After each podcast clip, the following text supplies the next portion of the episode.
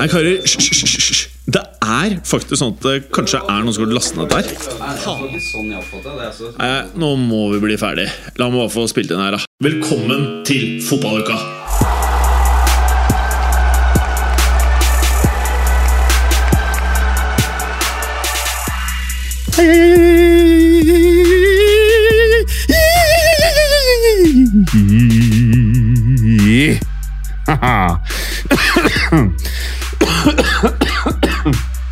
Og der er fotballuka tilbake.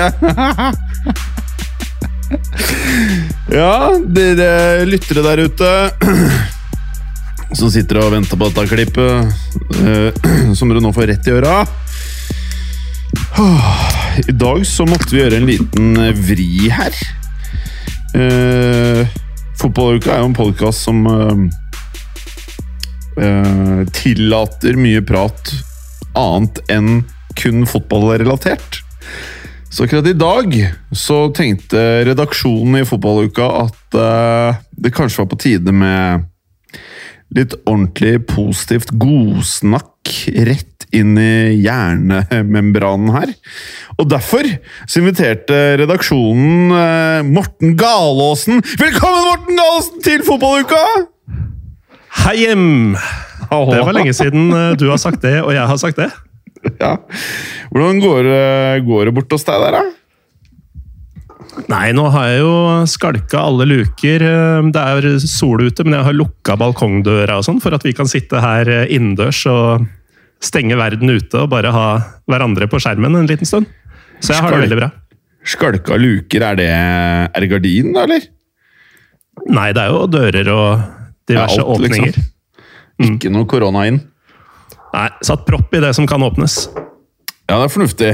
Og eh, i kjent fotballuka-ånd eh, så må vi jo nesten se på T-skjorten din her, fordi det var jo Skal vi se Antilamfront. Anti... Antilamfront eller antilamfront? Antilamfront, tror jeg de eh, sier. Og dette her er vel enten en sånn ultrasbevegelse innen fotballverden eller et uh, rockeband, vil jeg tippe, da. Ja, det er eh, sistnevnte. Et uh, Ja, okay. skatepunk-band fra Trondheim bestående av uh, meget middelaldrende folk som syns verden var best på midten av 90-tallet. Ja, det er Er det noe fart i instrumenta òg, eller er det mest holdningene det går i der? Nei, det går ganske radig unna, altså. Men Mhm. Det skal jo sies at eh, vokalisten, som eh, for øvrig ligner på en eh, veltrent Iggy Pop okay. han, har jo, han er jo såpass gammel at han har en ryggskade og sånn. Så det er ordentlig sånn Ordentlig sånn pappaer, liksom, som fortsatt spiller sin ungdomstids favorittmusikk. Og da er det jo sånn at Når du har på deg T-skjorten, så kan det være en mulighet for at du var på en konsert, da, eller? Ja, Um, de spilte faktisk De synger jo på trøndersk. Ja. Eh, Men like fullt så spilte de på Punkrock Holiday-festivalen i Slovenia, som jeg var på i fjor sommer. Og det Ja. var selvfølgelig en innertier. Selvfølgelig var du der. Og godt er det at du har rukket å få med deg sykt mye fotballkamper og sykt mye konserter, for det blir en stund til neste gang, tror jeg. Ja, fy faen. Nå um, kansellerer de jo De har jo avslutta ligaen i Belgia. De driver og holder på med det samme i Nederland nå. Og andre land som prater om å enten starte opp som her i Norge, eller eh, starte opp igjen, som i resten av Europa. Så er det jo i beste fall om et par måneder, og i beste fall uten tilskuere. Altså Det er mørke tider for fotballfans, altså. Ja Det er eh, Det har vært lysere tider, kanskje, i hvert fall. Men det hadde vært veldig gøy da hvis uh, Premier League ble bare kansellert sånn som i, i Nederland. Ja, fy faen. Jeg har tenkt så mye på det. Hvor Liverpool var noen sånn fire poeng unna å sikre gullet teoretisk, eh, tror jeg. Om de bare Ikke bare ikke kommer i gang igjen, men om de bare liksom annullerer alt som har skjedd. Nå som det endelig skulle bli Premier League-gull til eh, Liverpool, og så bare blir denne, Alt som har skjedd her, blir bare stryket fra historiebøkene. Ingen av skåringene, ingen av Men tror du det er det sted. som skjer? At det liksom at uh, Hvis du kikker på Wikipedia om 30 år, da, og liksom bare Premier League- Premier League-historien, og så er det bare 2020, så er det bare, bare tomt, eller? Ja. Nei, eh, det er jo for godt til å være sant om det skulle skje. da. De finner vel en annen løsning på det, tror jeg. Eh, hvis, man, hvis dere fortsatt har noen lyttere som holder med Liverpool, eh, Ja. så Ja, men tror jeg at de Det sjuke er at jeg tror det er høy overvekt av Liverpool og Manchester United-lyttere av denne podkasten. At de liker selvpining. I hvert fall United burde jo ha rømt.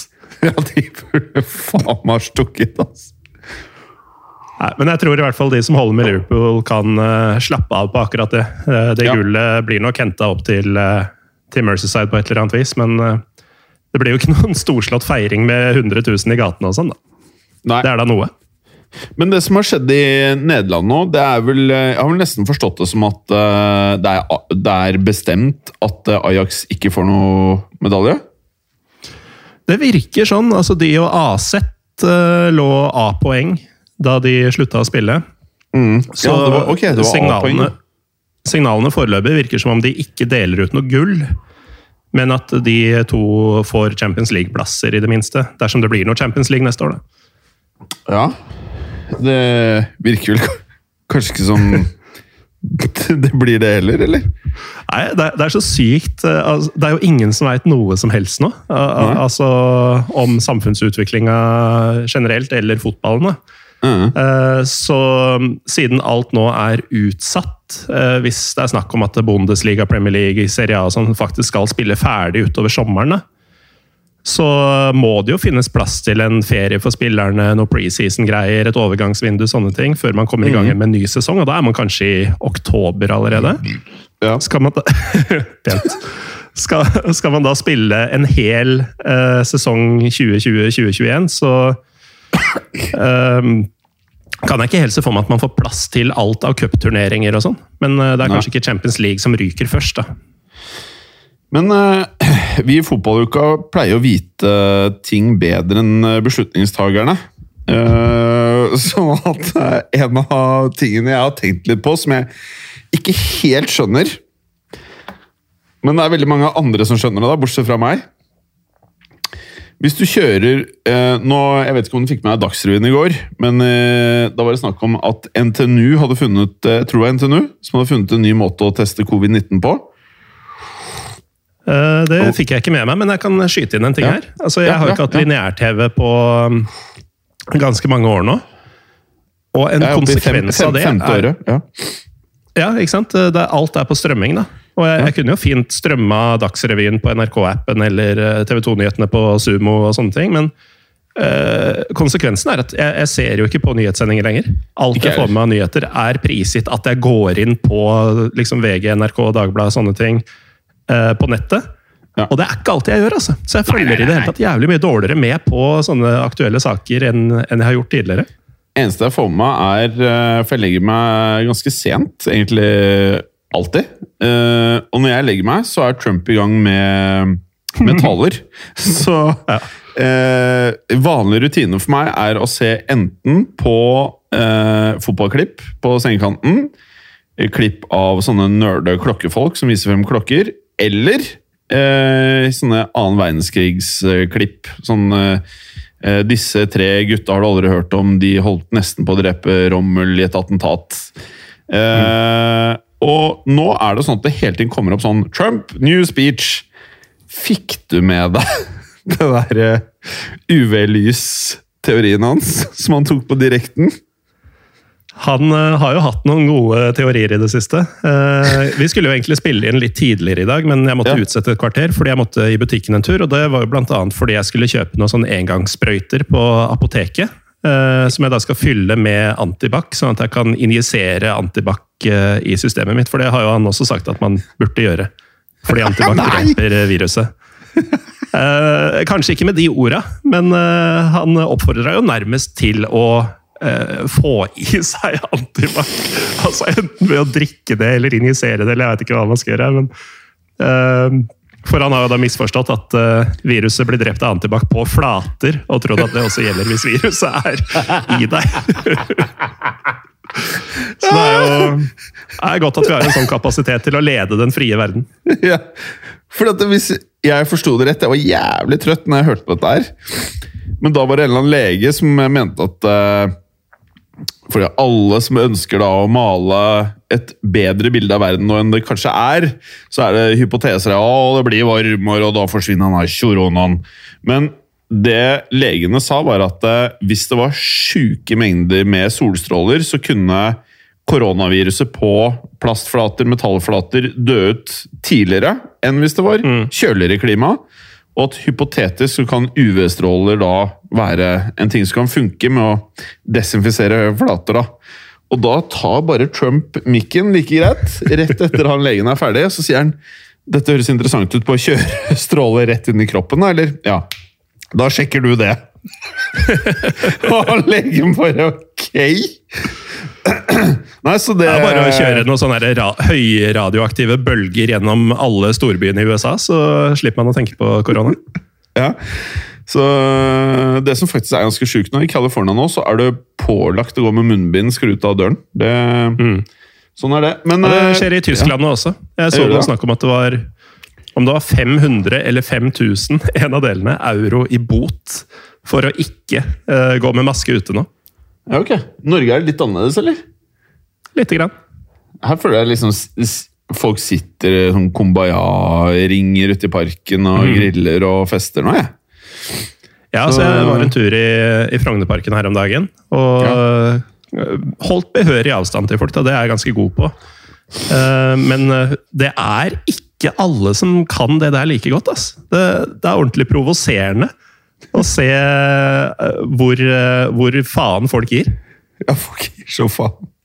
Det er jo sånne kumbaya-ringer som altså Folk sitter jo inni hverandre omtrent. Og, og griller og deler maten de griller, og det er liksom Ingenting har gått inn da etter eh, halvannen måned med dette jævla faenskapet. Ja, og så Inkubasjonstiden er på tre uker Jant. Sånn at eh, effekten av det kjøret her Det er ikke sånn de der grafene på vg.no eller nrk.no som er sånn her eh, i rød skrift 'antall døde'. Altså, Hva er det de driver med? De pumper på, altså. Eh, Men uh, i alle fall eh, De tallene vil jo i beste fall så vil du jo se virkningen av at folk bare mister det helt nå om to-tre uker.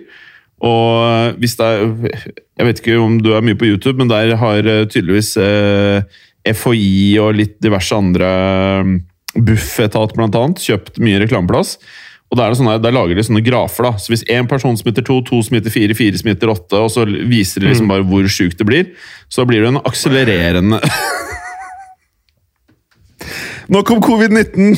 Eh, poenget mitt, det jeg bare skulle si eh, i fotballrelasjonen, da Hvorfor i all verden kan man ikke gjøre sånn som UFC-president Dana White skal gjøre nå? Han kjøper, eller UFC har angivelig kjøpt, en øy som blir Fighting Island. På den, på den øya skal det ikke være noen med covid-19, så alle som skal på øya, blir testa. Og så skal de begynne å sende eh, TV-fights fra Fighting Island med UFC fremover. Hvorfor kan man ikke i fotball bare eh, Alle sitter jo i karantener uansett. Alle fotballspillerne er pålagte karantenetider. Kjører covid-19-tester bare daily. Treningsanleggene, covid-19, ikke noe ikke-covid-folk. Og så bare kjøre kamper uten publikum. Bare få det på skjermen, så verden begynner å tikke igjen. Uh, nei, jeg veit ikke hva jeg skal svare på det. Det er, det er jo en ellevill idé som UFC har der, da. Men uh, dette med testinga, altså uh, Kan du um, Hvis man liksom er smittebærende, da, men ikke har blitt sjuk ennå La oss si at Ja. du fanga opp eh, noe covid-19-greier to dager tidligere og blir sjuk Ja. om halvannen uke. Ja. Eh, Kan de allerede da eh, med sikkerhet teste at du eh, har det, eller ikke? Nei, det hvis jeg har forstått det riktig, så er det mange forskjellige tester, men de to primære er den eh, blodprøvetesten. Den tror jeg ikke klarer å detekte det sånn på dirra. Men så har du det der som jeg kaller hjernetesten. Som er da De stikker en sånn greie inn i nesen din og poker hjernen din. Da tror jeg de klarer å teste det på dagen. Ok, ja, fordi jeg ser liksom ikke for meg at, uh, at du kan, uh, kan sikre det 100 da. Nei, du kan kan men, nok men kanskje ikke hvis du driver og poker inni hjernen til folk, så kanskje. Eller inni svestaen. Bare kjøre en Svesta-test på gutta. Sharawi på alle, liksom. Men, Svesta-testen. Men øh, jeg syns jo det er en interessant hvis, hvis det er sånn at folk gir UFC go på å drive med dette her, hvorfor skal ikke øh, i hvert fall liksom øh, alle som har råd til det, alle de største ligaene som bare, det bare de driter spenn Hvorfor kan ikke alle de bare gjøre noe helt insane? Bare drite i publikum, bare få det på TV? Fordi uten at noen sender noe på TV i helgene, så er alle dager helt like. Men uh, dette er jo sånn uh, jævlig kjipe regimers uh, time to shine, da. Fordi Altså, Ta sånn land med null innreise og utreise. ikke sant? Sånn Nord-Korea, Turkmenistan f.eks. Jeg så et verdenskart for, for covid-19-smitte, og der var liksom Jemen, som antagelig er verdens verste sted i liksom de senere åra. Eh, Det var ikke engang liksom registrert noe der. Fordi det er jo ikke en jævla kjeft som reiser inn eller ut av Jemen. Eh, Så la oss si at de tre landene, da. Og, og nå har det jo vært jævlig mye snakk om eh, sånn sportswashing og Saudi-Arabia og sånn pga. Newcastle-kjøpet i det siste. Ja. Saudi er jo en av de krigende parter i Jemen. Så hvis de virkelig vil reinvaske ryktet sitt, så bare kjører de sånn knall, knallhard bunnlinje med sånn total våpenhvile. da. Og så åpner de Jemen, bare bygger noen sånne hurtigfotballbaner over hele landet. ja. Så lar du Jemen, Nord-Korea, Turkmenistan, som antagelig er ganske smittefrie soner, gjennomføre alt av de store ligaene i de neste ukene og månedene. Interessant hypotese. Ja, det er mørkt, altså. Det er mørkt. Men eh, sånn helt realistisk, hva, hvorfor skal man ikke kunne spille fotballkamper hvis man bare kjører Ikke så ekstremt som UFC, da, men hvis man bare liksom Hvis alle spillere, alle klubber, alle er enige om at det er en drittsituasjon, vi er villige til å sette av tid, liksom. Hvorfor kan man ikke bare kjøre uten tilskuere og bare ha jævlig mye isolasjon på gutta, liksom? Er ikke, er ikke det Det er jo ikke så jævlig annerledes livsstil fra hvordan det i teorien skal være, da. Nå er det mange av de fotballspillerne som bryter alle karanteneregler, da, men Tipper at sånn Firmino og Neymar og sånn, de er ganske ræva på å isolere seg. i hvert fall Neymar. ja. Men eh, det, er, det er jo det de planlegger, da. Altså, Ja. eh, I hvert fall Tyskland har jo noen konkrete planer om at de ønsker å åpne igjen den og den datoen i mai. Og for å få til det, så skal disse testrutinene og disse isoleringsrutinene og karantenerutinene og alt mulig være på plass. Men det er jo altså, Igjen, da. eh, du kan jo aldri være helt sikker. Og for å arrangere en fotballkamp, det er ikke bare dommerteam og, og 22 mann. liksom. Det er jævlig mye funksjonærer som skal, skal i sving. Du skal ha presse der, selv om du ikke skal ha publikum. Altså, jeg vil jo tro at du i hvert fall har en 150-200 mann eh, inne på stadion for å gjennomføre en fotballkamp. Eh, så det blir jo et helvete, da, om de skal klare å opprettholde alt dette smittevernsgreiene som de tenker. Men, men det er jo det de jobber mot. Men man bare kjøre det old school. Det er eh, elleve spillere på hvert lag. Boom!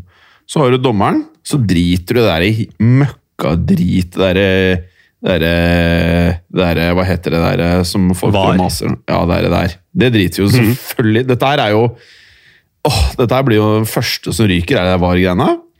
Og så har du en sånn fyr med kamera, og så har du sånn 90-tallsfilming.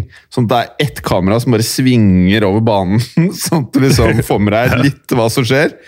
Er ikke, jeg tror folk hadde blitt sykt happy. Jo, men altså, jeg, jeg har ikke sett serien ennå, jeg har spart den. Men uh, jeg innbiller meg at uh, the, the English Game på Netflix, Ja. uh, det er jo min type fotball. Altså Ja. i sin reneste form. Bare kappestrid mellom eh, folk som ikke liker hverandre eller har noe uoppgjort. Og så Ja. ikke noe sånn sponsorpenger eller eh, sånn faenskap som det. Jeg tror Eh, så- du kommer til å bli sint. Dette er jo muligheten min eh, for å få fotballen tilbake. Da. Altså Bort med VAR, bort med Ja, først og fremst VAR, egentlig. Ja, for faen at det var, altså. Sånn, alle disse kommersielle hensynene som skal tas. Nå er det bare Ja. sånn der, rett ned på bunnivå. Vi skal spille ferdig disse jævla fotballkampene. Ja. Uh, og ikke noe annet. Men uh, jeg hadde satt pris på det, og jeg tror også det kan være første steg å få ned lønningene til disse fæle spillerne. Mm. Nå er det mange av de som eh, til og med godtar uh, pri, eh, lønnskutt. Fy faen, jeg skulle likt å vite hvordan eh, samtalen er med han dumme Bale, ass. Altså, han tjener Hva skjer der? Altså, nei, altså, man tjener så insane mengder penger og Ja, nei, det er bare at han tjener mye penger. Det er jævlig irriterende, egentlig. Det er ikke noe annet. Men Ja, du, du eh, nevner spesielt Bale. ja, han tjener som sagt jævlig mye penger. Han er ikke ønsket av Real Madrid. Han vil ikke vekk. Oi. Og eh, er bare veldig provoserende. Og så gjør han sånne hadde, Du fikk med deg hele der Når han spilte for Wales, at han dissa Madrid med sånn flagg han viste? Jeg vet ikke om du husker det? Ja. Eh, han, ja, han gjør mye sånne irriterende ting. eh, og da er det desto mer irriterende hvis han er den fyren som ikke tar lønnskutt. da. Nå vet jeg ikke hvordan ståa er i Madrid, men eh, sånn realistisk med, med mm, oppstart av norsk fotball, hva, hva tenker folk som har eh, noe innsikt i det, eller vet man noe? Nei, det er jo litt som med situasjonen overhodet. Man føler jo ikke at noen veit noe som helst. altså Ikke engang Erna Solberg og dem. At det er litt sånn uh, slikk på fingeren og stikk den i været og se hvilken vei vinden blåser denne uka. Ja. Uh, men det er jo en del idioter der ute som tror, uh, tror at de skal få se fotball live i år. Ja. Sånn bredde, breddeentusiaster og supportere av norske lag og sånn, som tenker at ja, kanskje kommer det ikke i gang før i september, men er, da får vi i hvert fall dratt på kamp. Nei, Ja. du kommer ikke til å få dratt på kamp verken i år eller neste vår, antagelig. Altså, det, det må du bare glemme med en gang. Det å gå på fotballkamp er ikke noe du kan gjøre på i hvert fall et års tid, eh, tipper jeg. da. I hvert fall ikke i Europa. Um, nei. Nei, Hvis du er reise til jævlig sugen, så tror jeg man kan dra til Hviterussland, eh, smugle seg selv inn der og se noen matcher. Jo, men Der har de også slutta med tilskuere, faktisk. Oh, ja, det det, ja. Selv om, eh, selv om president Lukasjenko for noen uker siden sa at eh, det er ikke noen fare med koronavirus, fordi eh, du kan bare ta, ta et sånn herre Ikke isbad, men det motsatte. Sånn russisk sauna. Og drikke Og dette er litt morsomt. Jeg tror det var 50 gram vodka om dagen. Jeg skjønner ikke hvorfor du måler det i gram. Men i hvert fall det var et par sånne ting. Da. Eh, ta badstue, drikke en eh, spesifikk mengde vodka og jobbe hardt på gård. Eh, da Ja. ville ikke koronaviruset ha noen sjanse i Hviterussland, mente da president Lukasjenko. Hardt på Men gård. eh, det gikk Altså, jo ikke mer enn en uke eller noe sånt etter det, før, eh, før de sperra for tilskuere. Men de spiller jo fortsatt, da. Det gjør de. Men hva- var det du sa? Var det på gård? Man måtte jobbe på gård? Ja, hardt eh, gårdsarbeid. Og vodka og badstue. Da, da holder du deg frisk. Jeg syns han og Donald Trump egentlig burde få sånn eneansvar for å komme opp med en, eh, med en behandling sammen. Ingen er- eksperter, bare de to i en badstue hvor de sitter og drikker vodka og jazzer ut en løsning på denne problematikken. Åh. Ja, nei, eh, det virker som det i hvert fall eh, Hvis man ikke rapporterer eh, virkelige tall så, eh, om spredning, så kan det være en ganske fin kombo. Men hvis man er opptatt av hvordan tallene faktisk blir, så er det dårlig. Nei, men For å svare på det som egentlig var spørsmålet ditt, så håper jo mange at man kan spille fotball i Norge for stengte tribuner i sånn august-september. Ja. Uh, jeg har sagt et annet sted, jeg husker ikke hvor, at jeg tror ikke vi ser noe fotball i Norge i år.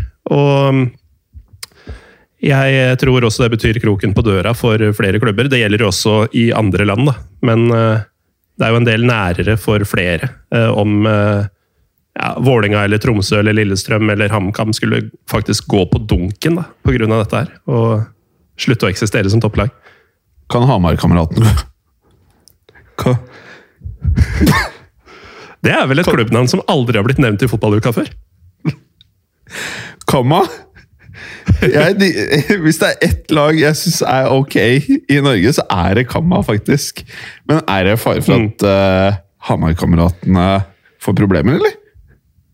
Jeg har ikke hørt noe spesifikt om dem, men eh, det er jo, bortsett fra for Molde og Rosenborg, så er det jo ørsmå marginer for alle norske fotballklubber. Eh, Det er jo Ja. ingen som har en krone. Så når da TV-penger, billettpenger, kioskvarepenger, altså alle sånne ting som Og salgene de hadde tenkt å gjøre til Europa i sommer. Alt dette uteblir jo. Så da er det jo fort likviditetsproblemer, da, om ikke annet. Det er faktisk ikke Man skal jo ikke le av det. Jeg, jeg er liksom litt sånn Norsk fotball Jeg syns alt jeg, følger jo ikke det like tett som andre mennesker, men øh, det virker som at ting liksom er borderline konk hele tiden. Kanskje, Ja. kanskje, kanskje hvis ting går Det er jo, det har man jo sett i andre bransjer, at hvis ting går konkurs, at man må tenke annerledes når man skal bygge det opp igjen. Og at øh, på sett og vis, da, det er jo sånn mager trøst å komme hvis Rosenborg klarer seg og de rikeste klubbene klarer seg, så blir jo avstanden kanskje enda større når ting er i gang igjen. Men man har jo sett at eh, klubber som klarer å bygge opp basert på god drift og talent, da, blir mange av de spenn mest spennende klubbene. Det har man jo sett selv i en inflatert eh, europeisk fotball òg, så jeg vet ikke, men eh, jeg er i hvert fall ikke personen som har svaret på hvordan norsk fotball skal eh, opp, opp og nikke, på en måte. Men eh, jeg er spent på om det blir noe fotball, ja, sånn som du sier. Ja. Nei, jeg håper virkelig det, altså. Fordi eh, altså, det Jeg norske folk det. trenger jo fotball på skjermen. jeg trenger fotball nå, ass. Fy faen, jeg, jeg blir helt gæren. Men jeg er jo eh, kanskje i større grad enn deg opptatt av eh, stemning og tribunekultur og sånn. Og jeg har jo tenkt eh, allerede da de begynte å spille Altså, de spilte jo Juventus-Inter eh, foran stengte tribuner. Det var en kamp jeg hadde gleda meg til i ukevis. Eh, og det endte bare med å ikke se den, fordi jeg klarte ikke den der treningskampfølelsen man fikk av at det ikke var noe At du hører spillerne rope og sånne ting. Men eh, nå er jeg så sultefòra, altså. At uh, Ja, ja, ja, fotball altså- uten tilskuere hø- høres helt fantastisk ut. Sammenligna med hva vi har nå. Kom, eh, altså Nå vet jeg ikke hvilke lag som ikke er i Eliteserien lenger, men uh, hvis det hadde vært Ja. Rosenborg vet jeg er der, og jeg regner med Brann er der. Ja, det stemmer. Ja, ja. Så hvis de hadde hatt en kamp nå, så hadde jeg sett den. Altså, jeg hadde ikke bare sett Ja, ikke den. jeg hadde gledet meg som faen! Det her Ja, men det- Her her kan faen meg de derre Her kan de gjøre store slem. De kan få opp Mm. tallene som faen hvis de moser på noe. Jeg hadde sett, jeg hadde sett alt, det. Jo, men det er en kjempemulighet. Altså, jo mindre konkurranse, jo mer, uh, mer sjanse har man. Da.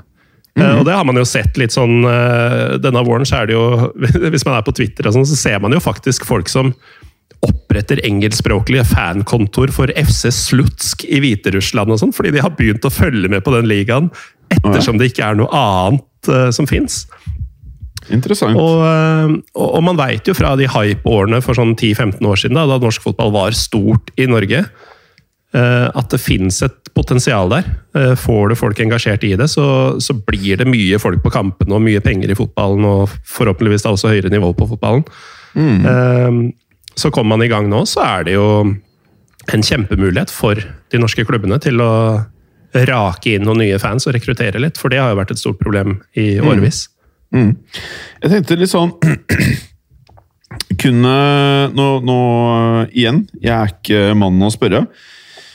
Men kunne alternativer vært liksom eh, For jeg regner med at det at lagene skal reise Norge er jo et langstrakt eh, land, så det er jo sikkert noen sånne utfordringer der. Eller så må hver av spillerne bare sette seg i hver sin bil og kjøre. Jeg vet ikke hva som er løsningen, men kunne en annen mulig løsning vært at eh, man, i hvert fall i regionen Oslo, da, kunne man liksom lagd en egen midlertidig liga eller cup eller et eller annet rør, sånn at man kan eh, Jeg tror det kunne skjedd. Eh, Det er en interessant tanke. Jeg har ikke hørt den være diskutert eh, noe sted. Og, Jeg tror ikke den er diskutert mange andre steder. Nei. Nei, og så er det jo litt sånn premissene man gikk inn i sesongen med. da. For eksempel så var det jo et lag som, som rykka ned i vinter, som jeg i hvert fall mener hører til der oppe. Det hadde jo vært rart å gjennomføre en sånn eh, distriktsvariant uten at uh, den klubben var med. Ja, jeg, nå Altså, nå tenker jeg sånn at man får inn alt, jeg nå. Ja, Man sant? gjør litt sånn Eh, unntak. liksom Frigg er med pluss Nei, kanskje ikke Frigg, da. De er såpass dritt. Men Ja. et eller annet. Ja. Det er, det er jo en morsom tanke. Litt sånn regionalliga på, på topp- og breddenivå samtidig. Ja. Men så Det blir mer- det er sånn nok mer en morsom tanke, ja. Ja, men For eksempel Tromsø, da. Hvem faen skal de spille mot? Det er jo ingen lag i mils omkrets som er i nærheten av å matche nivået deres. Nei, de da blir det sånn spille- Tromsdalen og Finnsnes og jeg veit da faen hva, hva som er Tromsø og hva som er Nordland heller, så jeg skal være litt forsiktig her. Men, men det, det hadde jo blitt jævlig jalla motstandere for sånne lag, da. Og så hadde liksom eh, ja, Oslo-regionen vært eh, veldig kompetitiv. Eh, Mens eh, Start, som, eh, eller Start en drøm, som det heter i dag, som rykka opp på bekostning Nei, det heter for så vidt ikke det, men Nei. Men, men de rykka jo opp på dramatisk vis og har jo gleda seg kjempemye til å spille eliteserie. Så skulle de plutselig begynne å spille mot sånn Arendal og Vigør og Eiger og hva de nå heter, alle disse Flekkefjord og sånn. Det, jeg veit ikke om de er så sultne på fotball ass, at de er villige til å spille mot den type lag i tellende kamper, og da også uten tilskuere. Det tror jeg hadde vært nitrist for, eh, for dem. Men har du fått med deg den derre at eh, Uefa starta enda en sånn derre fæl cup, eller? Ja! Det derre First Price League. Hva er det Den for noe? Den gleder jeg meg til, ass! Det er, det, men hva, har, du, har du hørt noe om det, liksom? Vet du hva som er greia der? Det er jo Altså Jeg syns jo det på en måte er dritsjarmerende, fordi eh, flere jalla-klubber fra flere jalla-land får muligheten til å spille i Europacup. Men eh, det er jo også fordi de skal spisse Champions League og Europaliga eh, som er i dag, da, ytterligere. At det skal bli enda mer elitistisk. Så Derfor må de liksom kaste et bein ned til eh, resten, da, som de kan eh, gnage på. Så jeg syns jo det er dritfett at uh, det blir Europacup på flere, flere av min type uh, ligas lag. Ja. Men uh, det betyr jo samtidig at jeg kommer til å synes at Champions League i framtida blir enda mindre interessant. Eh, fordi da eh, Jeg har jo klaget på dette Evil Empire, som alltid er i semifinalene og finalene og spiller mot hverandre hvert år. Eh, altså Når det spisser seg til, så er det alltid de samme gamle. Ja, ja. Eh, og det kommer til å bli mye verre, bare at det starter tidligere i turneringa. At Evil Ja. Empire kommer til å være I stedet for fem-seks lag, da så kommer det til å være 25 som alltid er med i Champions League og alltid spiller mot hverandre. Eh, noe av det jeg liker Altså, jeg liker jo eh, gruppespillet best i både Champions League og Europaliga. For da er det breiest spenn, og Ja. gjerne litt nye klubber her og der, som selvfølgelig er sjanseløse. Men uh, det, er, det er jævlig gøy å se en Champions League-kveld altså med hymne og flomlys og sånn fra Beograd, uh, når Liverpool er bortelag. Uh, sånn syns jeg er dritfett. Og, og det kommer jeg ikke til å få i framtida, men jeg kommer til å få kamper fra, fra Beograd mot lag fra ja, Romania, da. I denne First Price Europa League, og det blir også gøy. Ja. Men det syns jeg Jeg syns egentlig det høres morsommere ut enn Europa League. Jeg ville heller sett på det vi prater om nå, enn å se Arsenal mot uh, uh, Napoli. Fordi at eh, For meg så er det liksom Champions League skal være de hissigste klubbene mot hverandre. Jeg føler liksom da det der sjiktet rett under, det blir litt sånn verken fugl eller fisk. Så det blir liksom sånn En, en eller annen sånn derre øh, Ja, de som er ett eller to hakk under det beste. Så da, da, da er det ikke det du driver med lenger heller. Da er, da, er det ikke de, da er det ikke de beste som møtes. Mens det vi prater om nå, denne First Price-ligaen, den, denne er jo veldig interessant, for her, her kommer du til å se mye fett. da. Sikkert, Kanskje i noen kamper så blir det masse 0-0. Kanskje det skjer. Kanskje blir det masse mål. Hvem vet? Jeg tror det kan bli kjempespennende. Og da kanskje man er tilbake til liksom sånn derre Sånn som det var på 80- og 90-tallet. Å ja, det laget der. Ja, De er umulig å møte, de har god keeper. Det er liksom sånn, hvis, du har, hvis det er én ting liksom som er spesielt med laget, så er det sånn alle får helt noia. Liksom. Ja, ja, og keeperen Han storspiller når det er storkamper, han da. Så det Ja, kan det sånn, bli «Å, kult. faen, Tsjekkiske lag, ja de, ja, de er gode hjemme. ja. ja, og så ja, de, eh, ja, de er så organiserte. Eller sånn. Kanskje jeg, jeg, jeg tror det kan bli kjempespennende, og for meg mye mer interessant enn Europaliga. Ja, så For meg så, så er det jo en uh, jævlig kul uh, idé. Vi får se hvordan det blir, da. Uh, men eh, sånn eh, for, for eventuelt nye lyttere i fotballuka, så er jeg glad i å reise, og glad i å reise ja, til litt uh, grisgrendte strøk. Ja. Um, så, så jeg har jo sett fotball i noen uh, u-land, holdt jeg på å si. Uh, og, og jeg skulle jo gjerne ønske at uh, at de klubbene kunne Eller det folket og de klubbene videre, at de kunne få noen kule kvelder. da, Og kanskje bli eksponert for et nytt publikum og sånn. Så uh, ja, Romania for eksempel, eller, uh, eller Georgia for den saks skyld. Altså Om Rosenborg eller Brann plutselig skal spille mot Dynamo Tiblisi en torsdagskveld i oktober. Jeg hadde elska det. Ja, jeg, jeg, jeg hadde lett sett det greiene der. Men uh, si meg, uh, apropos det at du liker å reise, uh, har du noe sånn herre For folk som ikke har reist mye på sånn, i fotballsammenheng, da, og som ikke er opptatt av Real Madrid, Bayern München, Juventus, liksom det største Hvilke steder er det der Du skulle gitt tips, da. Hvor, når det er lov å reise igjen, om det er i 2021 eller 2022 eller når det blir, Eh, hvilke steder ville du sagt at det er lett å komme seg til? Det er ikke det dyreste, det er fett å være der, liksom. Eh, liksom drikke Vet du, må skru av den jævla ringelyden på telefonen min. Men du kan jo prate imens. Hvilke Faen! Hvem er det som ringer Altså- så jævlig? Bare billige, enkle, ja, billige, enkle reisetips uh, som, uh, som vil være verdt å sjekke ut. Eh, nå var det jo sånn for dere som hører på, at Jim sa til meg på forhånd at vi ikke skulle forberede noen ting, så jeg har jo ikke forberedt meg på det spørsmålet her heller. Men øh, hvis vi starter litt sånn mainstream, så er jo Tyskland eh, en eh, stadig tilbakevendende greie for min del. Eh, det er veldig mange direktefly fra flere norske byer til f.eks. Berlin, eh, München, Düsseldorf. Eh, høres kanskje ikke Düsseldorf så jævlig fett ut, eh, men de ligger i eh, Kanskje ikke i Ruhr-området, men i nærheten av. Eh, og De ligger uansett i Nordrhein-Vestfalen, og der har du da en haug med lag på første, andre og tredje og fjerde nivå i Tyskland på kort avstand. Ehm, tysk øl og tysk mat og sånn er eh, billig. Tyske kampbilletter er billige. Du kan kjøpe ståplass for sånn 14 euro hos et altså det, det kunne du få tak i hos eh, Dortmund, hvis du er heldig. da. De er jo ofte utsolgt, men du kan se topp, topp uh, tysk fotball for uh, en billig penge. Det er lett å komme seg dit. Det er kjempeenkelt å komme seg rundt. Uh, de har den type mat og drikke som nordmenn kjenner til og liker. Og ja, eh, fotballen er bra, da. Så det er på en måte eh, Hvis vi starter på en høy hylle, eh, så kan vi jobbe oss litt eh, nedover. Ja. Ehm, jeg er jo veldig glad i Øst-Europa, som sagt. Eh, Ja. Og hele Øst-Europa er svinbillig. Så er det litt varierende hvor mye direktefly du har og sånn, men for eksempel Polen var jeg for første gang nå i, i februar.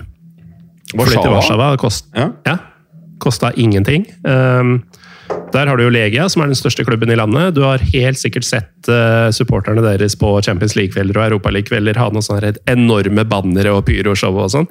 Du får enorm stemning eh, flere steder i Polen. Eh, Ja. Både Warszawa, som jeg har vært i, og sånn Krakow og Gdansk, f.eks., som sies å være mye finere byer. Eh, De har også topplag med gode supportere. Eh, Og i Polen så koster jo verken mat eller drikke eller opphold eller transport rundt omkring noe som helst. Og de er såpass vant til turister at du kommer veldig langt med engelsk også, selv om du, det er mye setter og sånne mm. stension i er og sånn rundt omkring. Så Ja. ikke la det avskrekke dere. Nei. Jeg har vært i Eh, Så Polen Tyskland og Polen er ganger. Er enkle.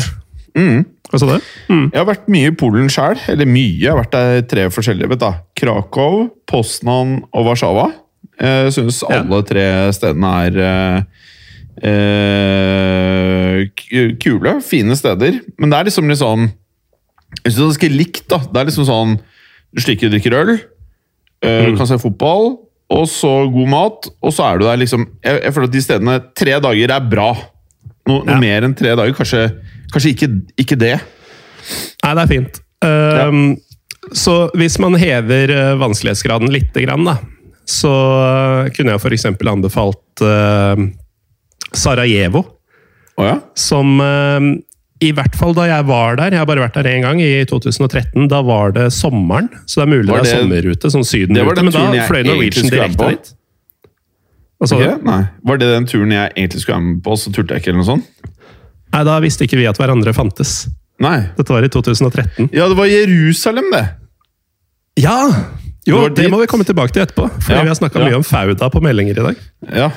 Men uh, hvis man vil ha litt mer, da, så, um, så eh, kan man komme seg til Sarajevo eller for så vidt Beograd eller Zagreb eller liksom et annet sted der. Men akkurat Bosnia fikk jo kjørt seg noe voldsomt i eh, og, og, og dette er jo en konflikt som vår generasjon husker godt. Dette var jo i nyhetsbildet da vi vokste opp, Jim. Og eh, vi gikk i klasse med med bosniske flyktninger som hadde kommet til Norge og, og sånne ting.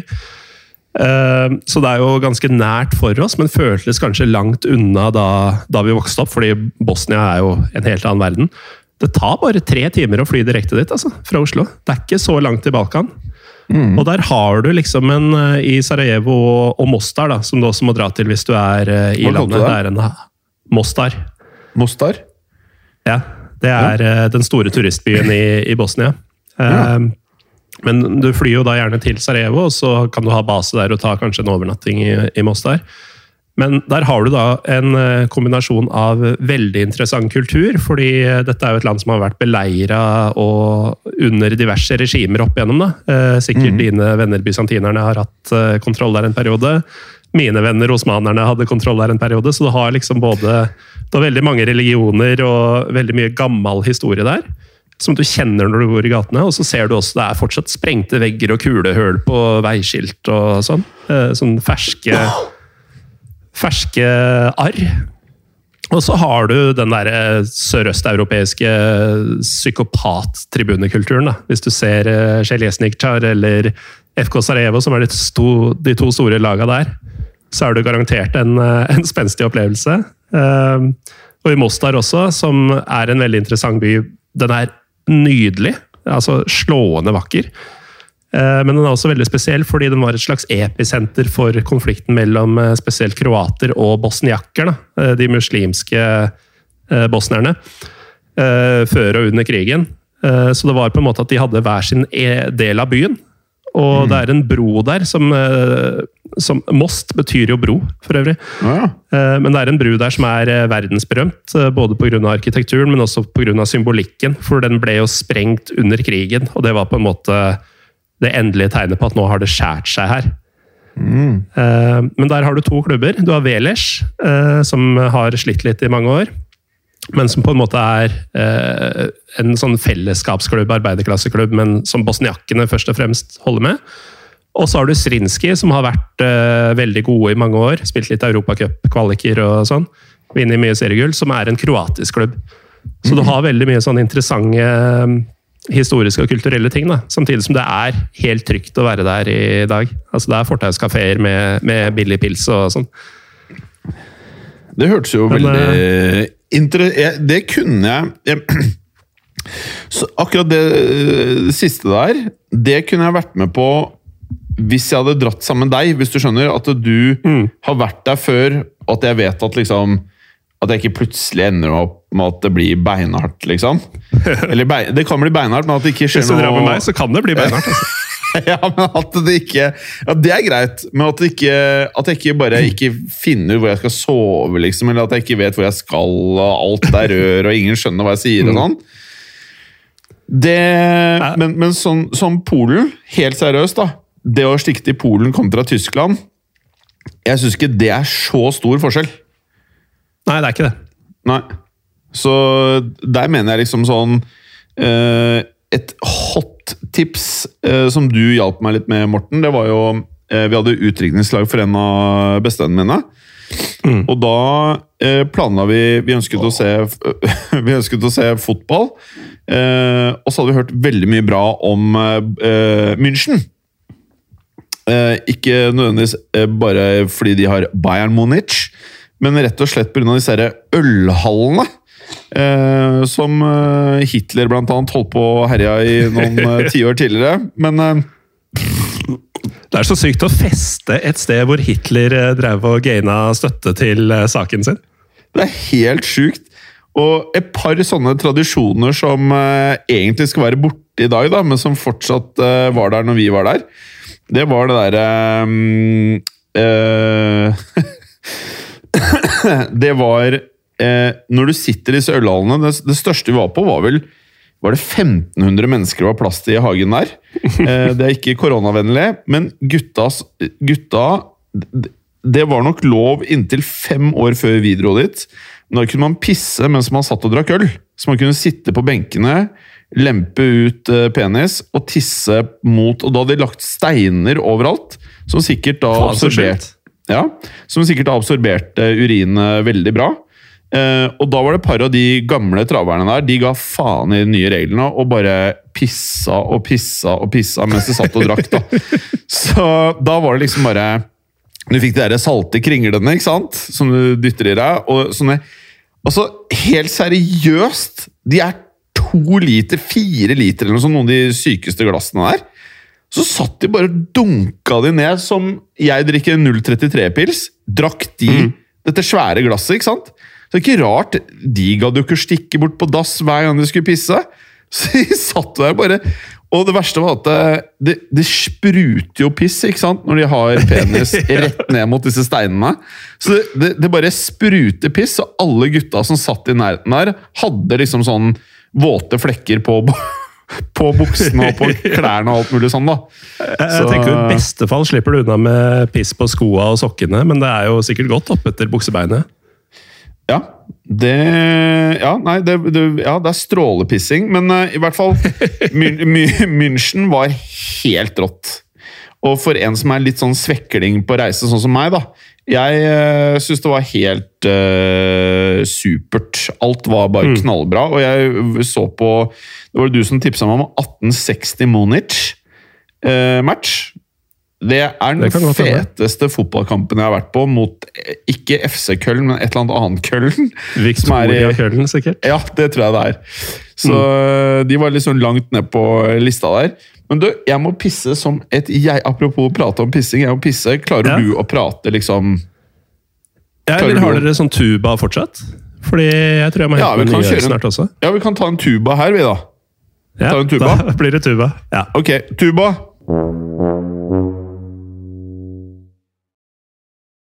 Hei, Morten. Nå har vi eh, akkurat uh, Hvis Fel tekniker Felix finner tubaen, så er det en tuba før det her. Hvis ikke, så er det Mhm. Bare at vi har vært og tisset.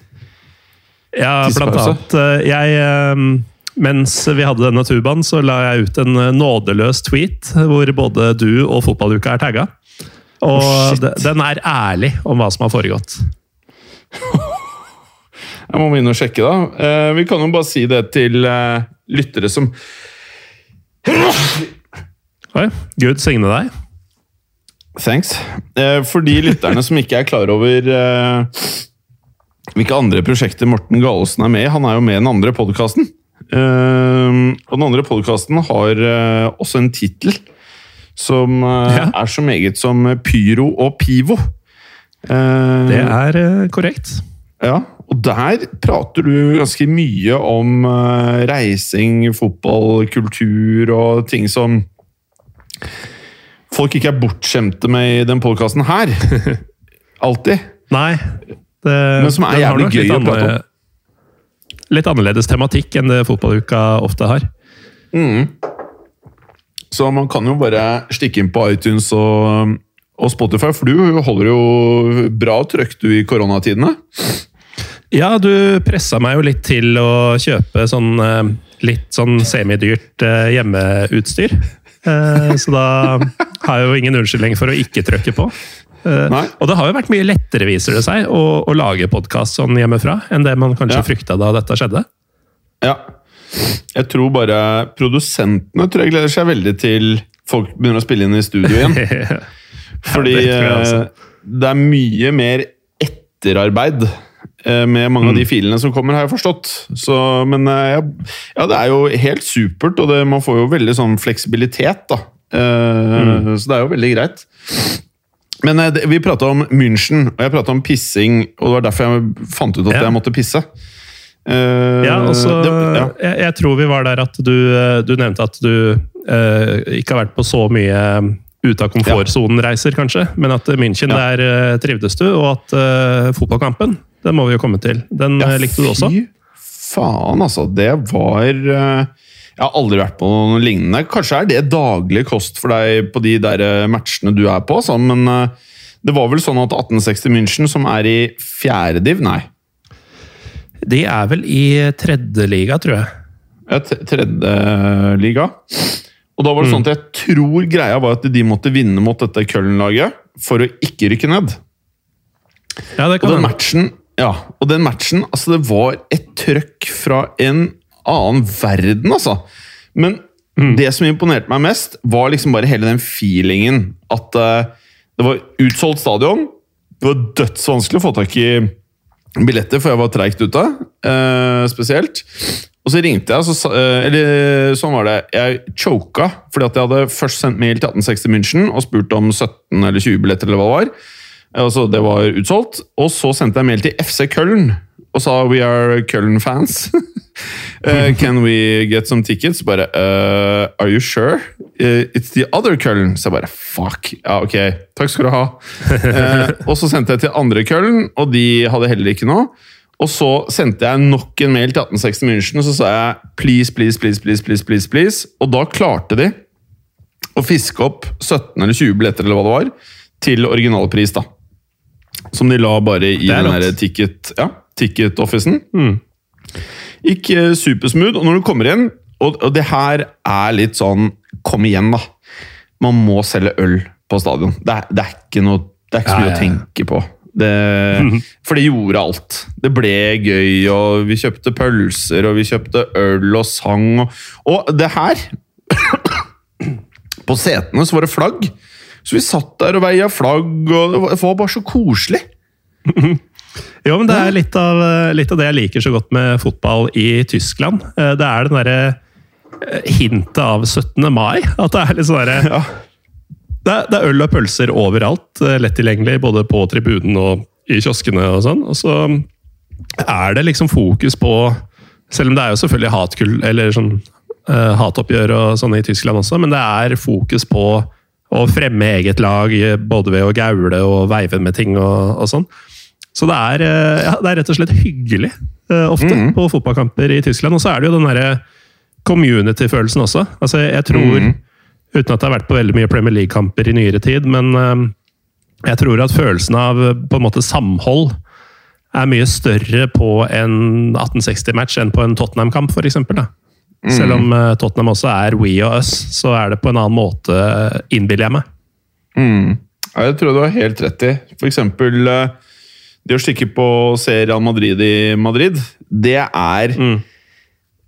Jeg sier ikke at det er som å være på kino, men uh, det er Det er liksom ikke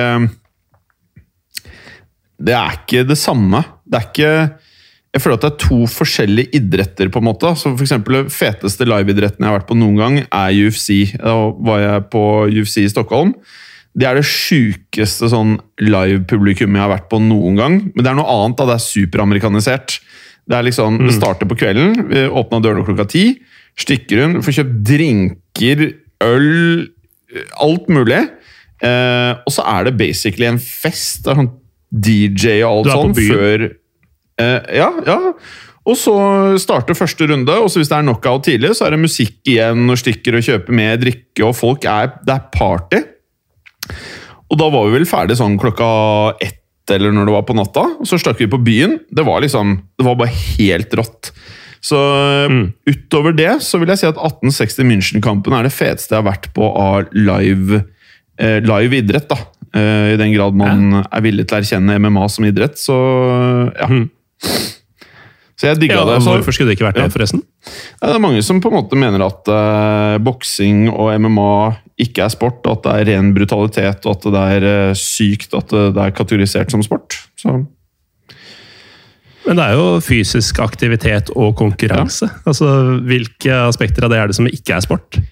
Nei, det er litt sånn uh, krenke, krenke, krenk. Krenke, krenke. Mm. Uh, ja. Alt skal Nei, være perfekt. Det må du ikke høre på, Jim. Nei. Så jeg uh, love that shit. Eh, men eh, i hvert fall til de av dere som er like skvettende som meg. München, perfekt destinasjon. Og det er mange lag der, er det ikke det? Det er både Bayern München, selvfølgelig, og så har du 1860 München, og så er det vel noe mer også, skjønte jeg. Ja, det er, det er ikke sånn veldig mange i akkurat München, men det er i Bayern-området rundt, da, som også Ja. er veldig Er det pittoresk, man sier? Altså Ja. billedskjønt. Veldig sånn postkortvennlig, eh, med fjell og daler og slott og sånn. Eh, Der har du jo Jan Regensburg, eh, Unterhaching, Greuterfürth eh, Veldig mye sånne klubber som en gang har vært i Bundesliga, som nå gjerne er på andre, tredje, fjerde nivå. Da. Men Nürnberg, som er en av de eldste og mest tradisjonsrike klubbene i Tyskland, holder til på nivå to. Er det bilbyen? Så det er, det er, eh, alt der er bilbyer. Ingolstadt har vel Audi, München har Er det BMW? Eh, ja Så er det Bayerische sånn Motorwerk, eller hva det Ja. står for. ja. ja, sånt. Nei, det, er vel, eh, det er vel noen bilfabrikker i hver by, tror jeg. Ja. Men eh, nei, så eh, bare sånn for å friste med det aller siste der, da. Så er det jo sånn at ikke bare er det svære sånne ølhaller og ølhager, men de er overalt!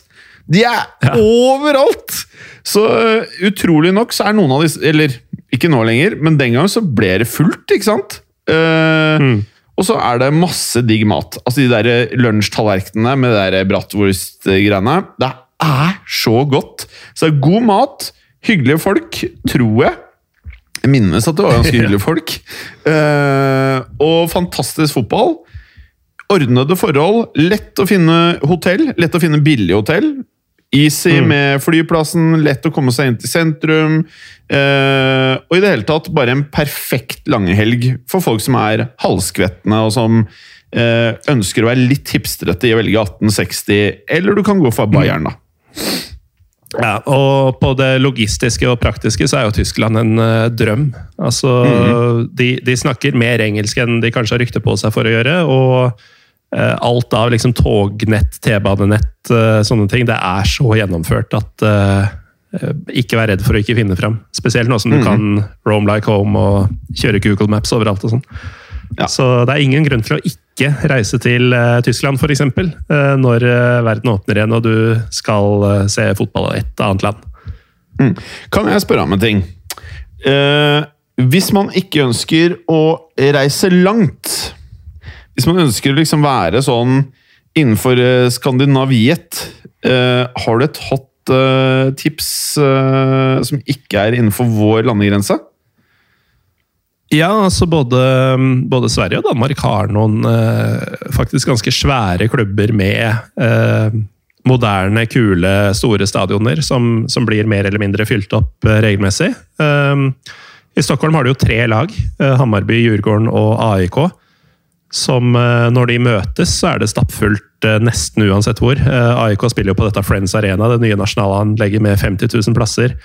Det er ikke alltid det er over 45 000 der, men men Djurgården og, og Hammarby de deler jo Tele2 Arena, som jeg tror har plass til en 26 000 eller noe sånt. Og det er alltid fullt når de Ja. møtes. Og det er fullt når Malmö kommer, eller IFK Göteborg kommer, eller det, det er mye kamper i, i Stockholm med veldig mye folk på tribunen, og de som er på tribunen, de eh, de kan sakene sine. Da. Så du, hvis du er vant til liksom 4000 tilskuere på Alfheim, eh, den type ting i Norge, og tror at du får noenlunde det samme i Sverige, det gjør du ikke. Det er mye mer eh, holdt på å si, kontinentalt eh, nivå på de, på de store kampene i Sverige. Og Og så har du da. noe der? Ja. Mm. For København synes jeg er en veldig kul by. Eh, mye å finne Absolutt. på. det. Mm. Så, Pluss at dansker er ganske fete.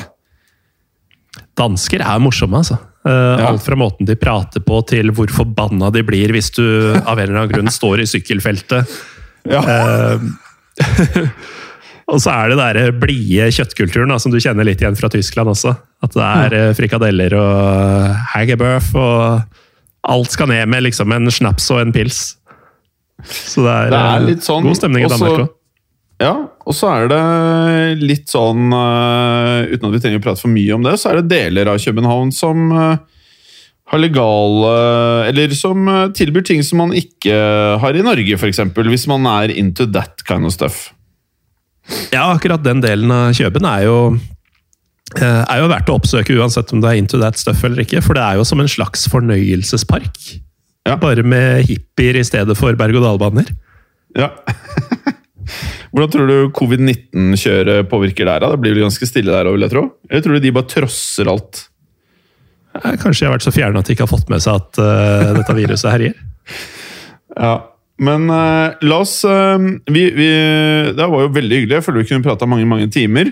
Eh, en ting som, som du sa, som vi teksta om både i går og i dag, er en TV-serie. Og I disse dager så Ja. uh, må man jo erstatte fotballtomrommet med andre ting. Og dette her var en TV-serie som jeg i sesong én ble tipsa av deg om, faktisk. Eh, Var det meg, ja? Og jeg ble helt Ja, av deg. Eh, og jeg har blitt helt forelsket, og nå er jeg sånn litt over halvveis i sesong tre av den. Hva, hva, hvilken TV-serie er dette, Morten? Du er på jakt etter det arabiske, tror jeg det er, ordet for kaos, nemlig fauda. Eller Er det det fauda, det som det er fort gjort for oss å si. Ja, det er visst det. Ja. Og, her- og du husker kanskje i sesong to, når et av disse raidene på Vestbredden går gærent, eh, så roper de 'fauda, fauda, fauda' for å få inn forsterkninger. Det er liksom koden denne spesialgruppa bruker når ting går til helvete. Og det gjør det. Ja. Ganske ofte. Ja, ofte. Men uh, det er noe med at uh, de skuespillerne Jeg tror så jævlig på at alle de gutta er de gutta som de er i serien. Mhm. Og jeg, er, jeg har man-crush på Doron. Ja, og han er jo uh, creator eller noe sånt, tror jeg. Så han har jo funnet på dette her. Så oh, ja? vet du, du som har vært en del i Storbritannia, vet du hvem Ross Kemp er? ja. Ja, Han er jo ganske sånn stor og har vært litt med sånn Royal Air Force og, og sånn. Mm. jeg føler at han eh, Doron-fyren, da, eh, Lior Raz, eller noe sånt, tror jeg han heter ja. eh, Shit, at Tipper kan han det. er på en måte Israels eh, Ross Camp, bare antagelig Ja. enda hardere. For i Israel så har jo alle faktisk vært i uh, både menn og kvinner vært i uh, vernetjenesten. Nei, vernetjenesten, sier jeg. Det er, det er sånn HMS-prat, det. Ja. Eh, ja, de, de har vært i Forsvaret, da. Og der er det vel Ja. en to-tre år, tror jeg, som er mandatory for alle. To-tre år?! Jeg mistenker det. altså, jeg god, mener jeg liksom? hørt det. Du du kan nok først Altså, Er du en voksen israelitt, så kan du mest sannsynlig forsvare deg. Ja, det kan du Eh, nok da. mm. Men i denne Altså, de, de virker legit, de gutta. Ja. Altså. Ja, skikkelig legit. Eh, Og jentene, ikke minst. Og her er det liksom eh, De jentene liker jeg egentlig ganske godt, eh, Morten. De er Ja, De ser flotte ut, og så er det tak i dem. Jeg har ikke kødda med. Det de, er tak i dem, altså. Nei. Så uh, og i sesong tre så er hun Norit, som har vært med i denne spesialenheten i alle sesonger, Ja. dater jo sånn derre uh, Sivilist. ja. Uh, ja. Eh, skjønner ikke helt åssen han har gått inn for å få til det, altså, fordi jeg tror ikke det bare er å gå inn og sjarmere fletta av uh, etterretningsbertene til Israel. Men han, eh, han som er nest mest favoritten min etter Doron, det er Sagi. Er du enig at han er litt fet? Han er ganske fet. Uh, han, han har noe Han har et mørkt sinn. Ja, han har mørkt sinn. Han kunne ikke blitt brukt til noe annet enn den jobben han gjør. Nei, fy faen. Og så er det jo en sånn seksuell tension mellom han og hun Hva heter hun igjen? Norit. Norit. Og det er Mm. Jeg Skulle gjerne likt å følt på noe sånt her nå i Corona Times, altså. Ja, nå begynner det å bli ille, altså. Ehm, det, jeg skal jo ikke skryte på det ja, Prosit. Takk. At det skjedde sånn veldig mye i månedene før heller. Men uh, kombinasjonen av at, eh, at det gikk litt treigt i vinterhalvåret, og at man nå ikke har muligheten, uh, den, eh, det er nesten verre enn fotballmangelen, altså. Ja, men man, ja, ja, ja, ja, man kan argumentere for det. Samtidig så eh, kan man jo sveipe ganske hardt om dagen, da. Jo, men hva hjelper det? Du får uh, er chatta litt og kanskje møttes i parken eh, med en par meters avstand og et glass vin eller noe sånt, men Ja. Eh, frustrasjonen er jo der fortsatt. Ja, Det spørs hva man er ute etter. da. Noen er ute etter samtalepartner, Morten. Jeg skjønner at det ikke er det du går etter her. Men, eh, Nei, men, eh, nei, ja, men apropos det, en ting som irriterer meg noe voldsomt når vi først er inne på swipe-greiene, Ja. det er jo den derre passport-funksjonen som de tydeligvis har åpna opp. faen! For der er det jo folk som er ute etter samtalepartner. Hvem i all verden er ute er etter å ha brevvenner på Tinder fra andre delen av verden? Altså, Når du sitter i Peru og swiper i Oslo, hvorfor i helvete gjør du det? Hva skal du få ut av det? Det er helt dritt. Og så Det som skjer, er bare at eh, tidligere, hvis du, uh, hvis du kjedesveipa, da Hvis du satt og så på et eller annet på Netflix og bare, drev, bare holdt på litt på sida, liksom, så gikk du til slutt I hvert fall så gjorde jeg det, så gikk du tom for damer, ikke sant? Men nå, Mhm. nå kan du swipe deg sånn at det er vondt i tommelen, liksom. Det, det tar ikke slutt. Det tar ikke Nei, jeg slutt. Jeg har i hvert fall ikke klart det. Så øh, greia nå er jo liksom sånn når det står sånn 5000 km Jeg grenser mange, mange liksom som er, bor 5000 km unna man kan drive Mhm. og chatte med. altså. Ja, og sånn eh, Du veit jo ikke hvor lenge koronagreiene varer heller, men hvor sannsynlig er det at dere begge er single og har holdt praten varm når den tiden kommer hvor du faktisk kunne reist de 500 km? Eller 5000, eller hva det var du sa? Men har, har du blåstjernefunksjon, eller har du Tinder gull? Nei. Nei, okay. Blåsvestefunksjon? har- du det har, du, Jeg regner med at du, du har den knappen du òg, hvor det er bilde av en blå stjerne? Ja, jeg kan bruke den en gang om dagen, tror jeg. Ok, ja, Det er ikke så mye bedre det her. Jeg har fem stjerner om dagen. Mm. Men de der blåstjernene, det er det beste for å få match, altså. Jeg jeg blåstjerner jeg, jeg, De fem jeg får hver dag, jeg passer på blåstjernene alle fem, liksom. Mm. Får du mye blåstjernematch? Nei, eh, jeg altså, Blåstjerne er sånn at eh, den andre blir oppmerksom på at eh, den har blitt likt, ikke sant? Ja, da, da Uansett at, hva de prøver på, så ser de at du har lika det. Ja. Mm. Nei, for å si det sånn, jeg blir ikke blåstjerna så ofte av andre. Jeg Jeg får aldri ikke opp beskjeder om at Nei. Jeg har aldri blitt blåstjerne. Eh, Nei, nei, nei, nei. Men jeg, jeg har prøvd den et par ganger. Jeg tror jeg har fått match sånn én gang. eller noe sånt. Men igjen, okay. jeg har bare én om dagen. Og jeg bruker dem gjerne på sånn insane, sånn sjanseløse prosjekter. Hvor jeg bare må kjøre en Hail Mary, liksom. I tilfelle. Ja. Nei, eh, Men, eh, det er litt sånn eh, frustrerende, ja. Ja, det er jo det. Men eh, siden vi var på Israel eh, Ja. Jeg har jo vært og sett fotballkamper der, hvis det er av interesse. Det har du. Ja, Ja. det har du. Jeg var, hadde nesten Jeg var nesten med. Ja, eh, Hvor nærme var vi egentlig der? Hvis du, som du sier, er er litt skvetten jeg så- eh, jeg er så redd at uh, Jeg ser for meg Vi skulle jo møte vennen vår uh, TK. Uh, Ja. Var det ikke det som var prosjektet? Jo. Og Nei, altså, jeg har jo hørt at det, at det kan smelle der, da. Og da ble jeg redd. Mm. Du har hørt det? Ja. Du blir ikke sånn veldig mye mer gira av å se sesong tre av Fauda heller? Men opplevde du noe som helst sånn når du var der, eller? Nei, det var ingen um, Ingen hendelser. Men det var jo selvfølgelig Det var jo første gang jeg var i, i det ordentlige Midtøsten, og jeg hadde jo veldig respekt for uh, situasjonen og omgivelsene og sånn, så det var jo Spesielt de første par dagene var man veldig sånn uh, forsiktig med hva man sa, hvor man bevegde seg og sånn.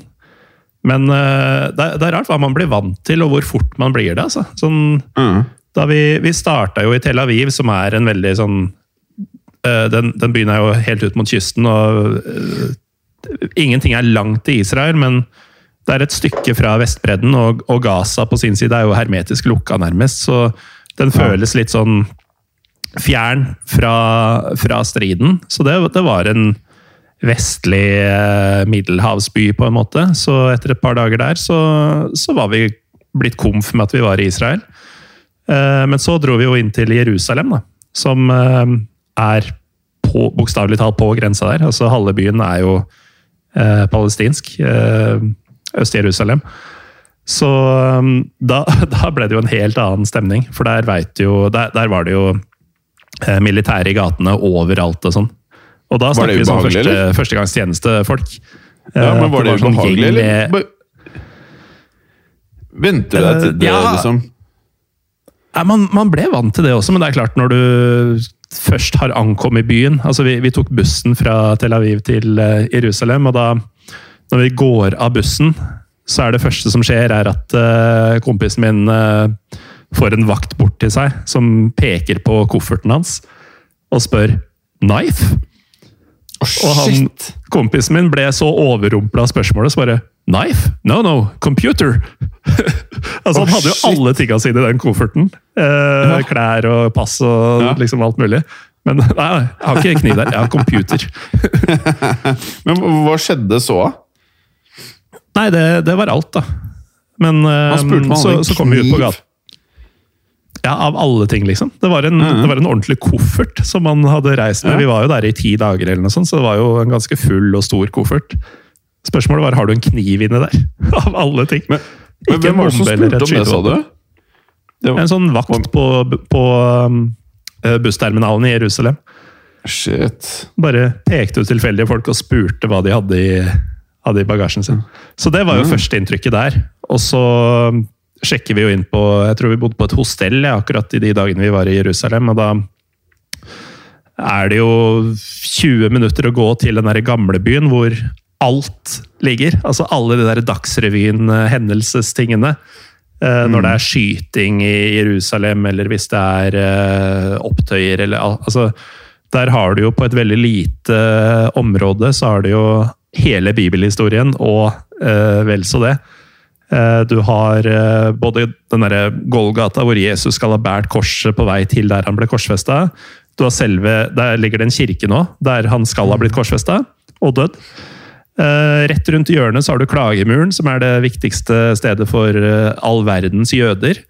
Og oppå den, på liksom toppen hvor denne utgjør en, en, av veggene, så ligger denne Du vet den moskeen med den gullkuppelen, ikke sant?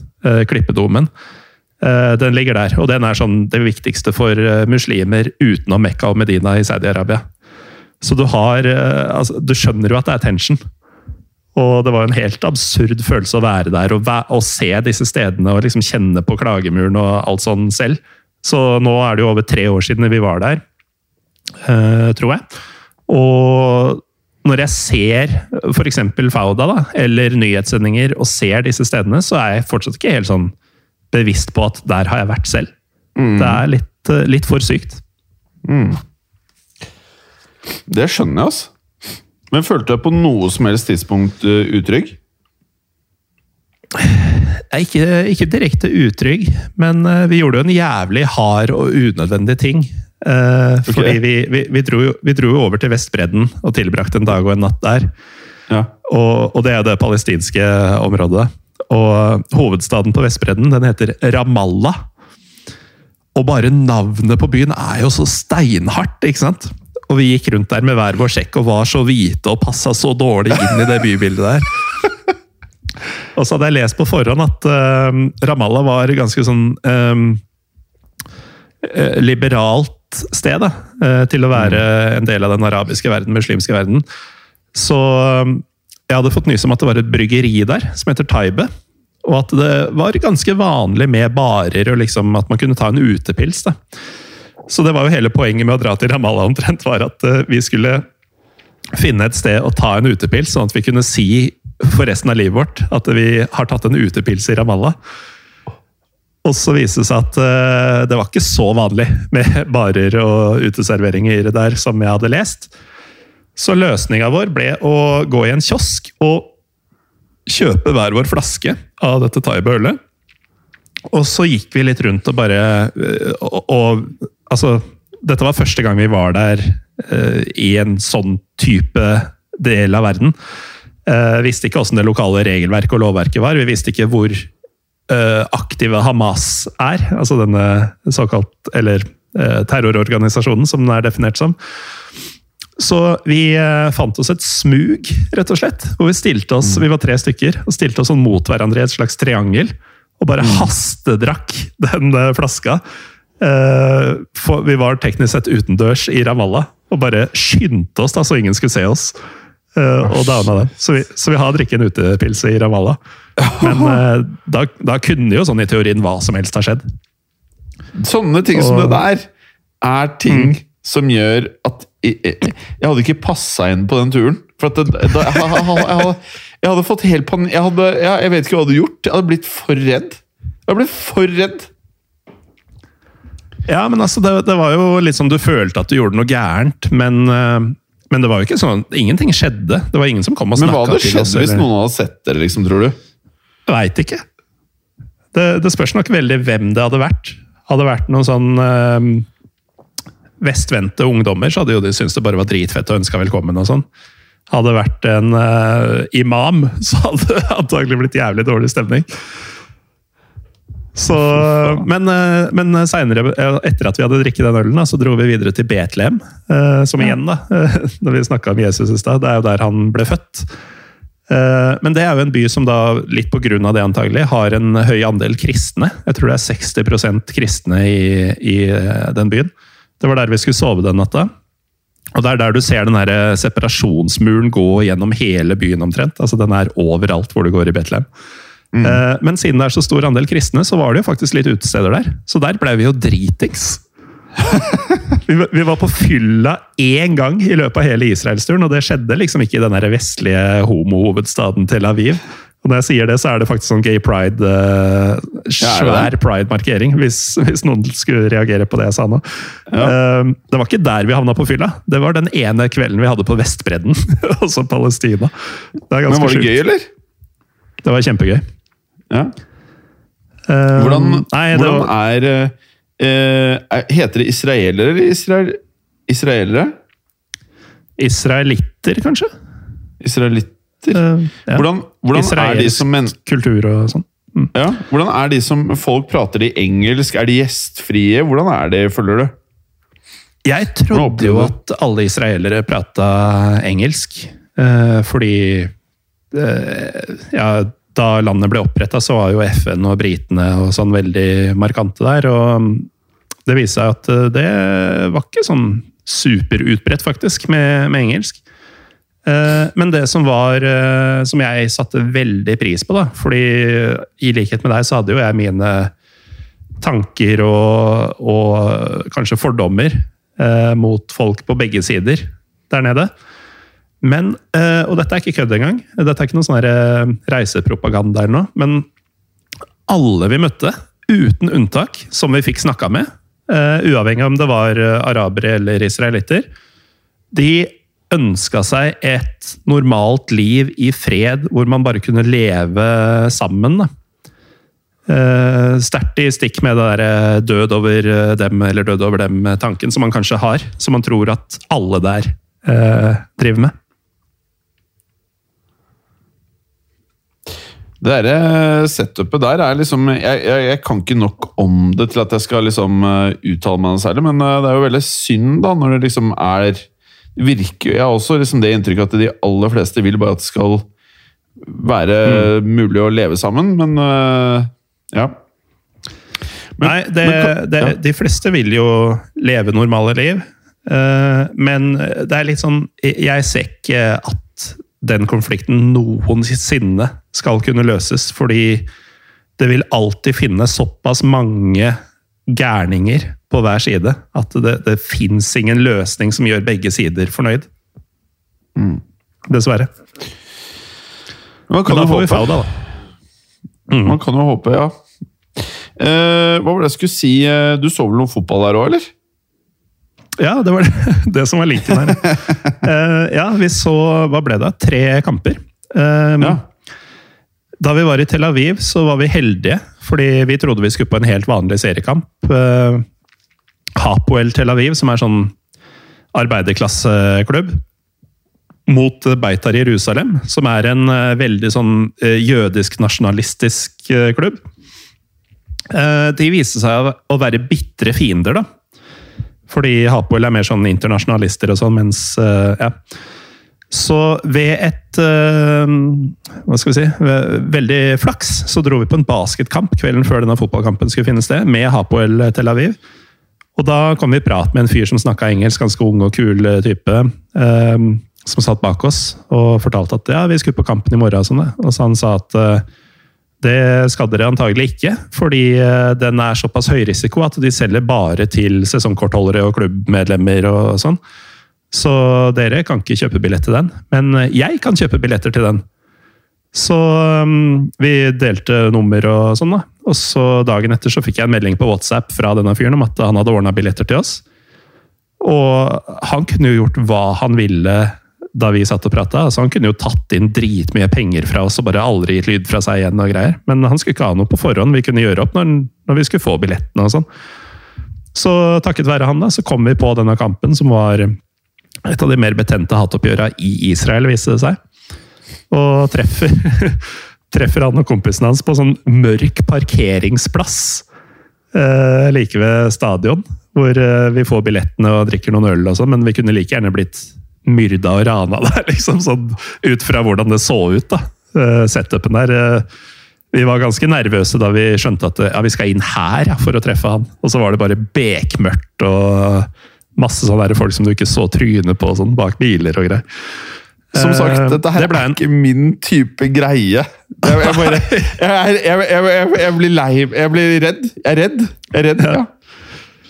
Nei, det, det, var en jævlig fet kamp. Eh, dessverre så eh, De tok jo ledelsen tidlig også, Hapoel, og vi sto med deres ultras, altså hardeste supportere, for det var de gutta vi hadde blitt kjent med. da.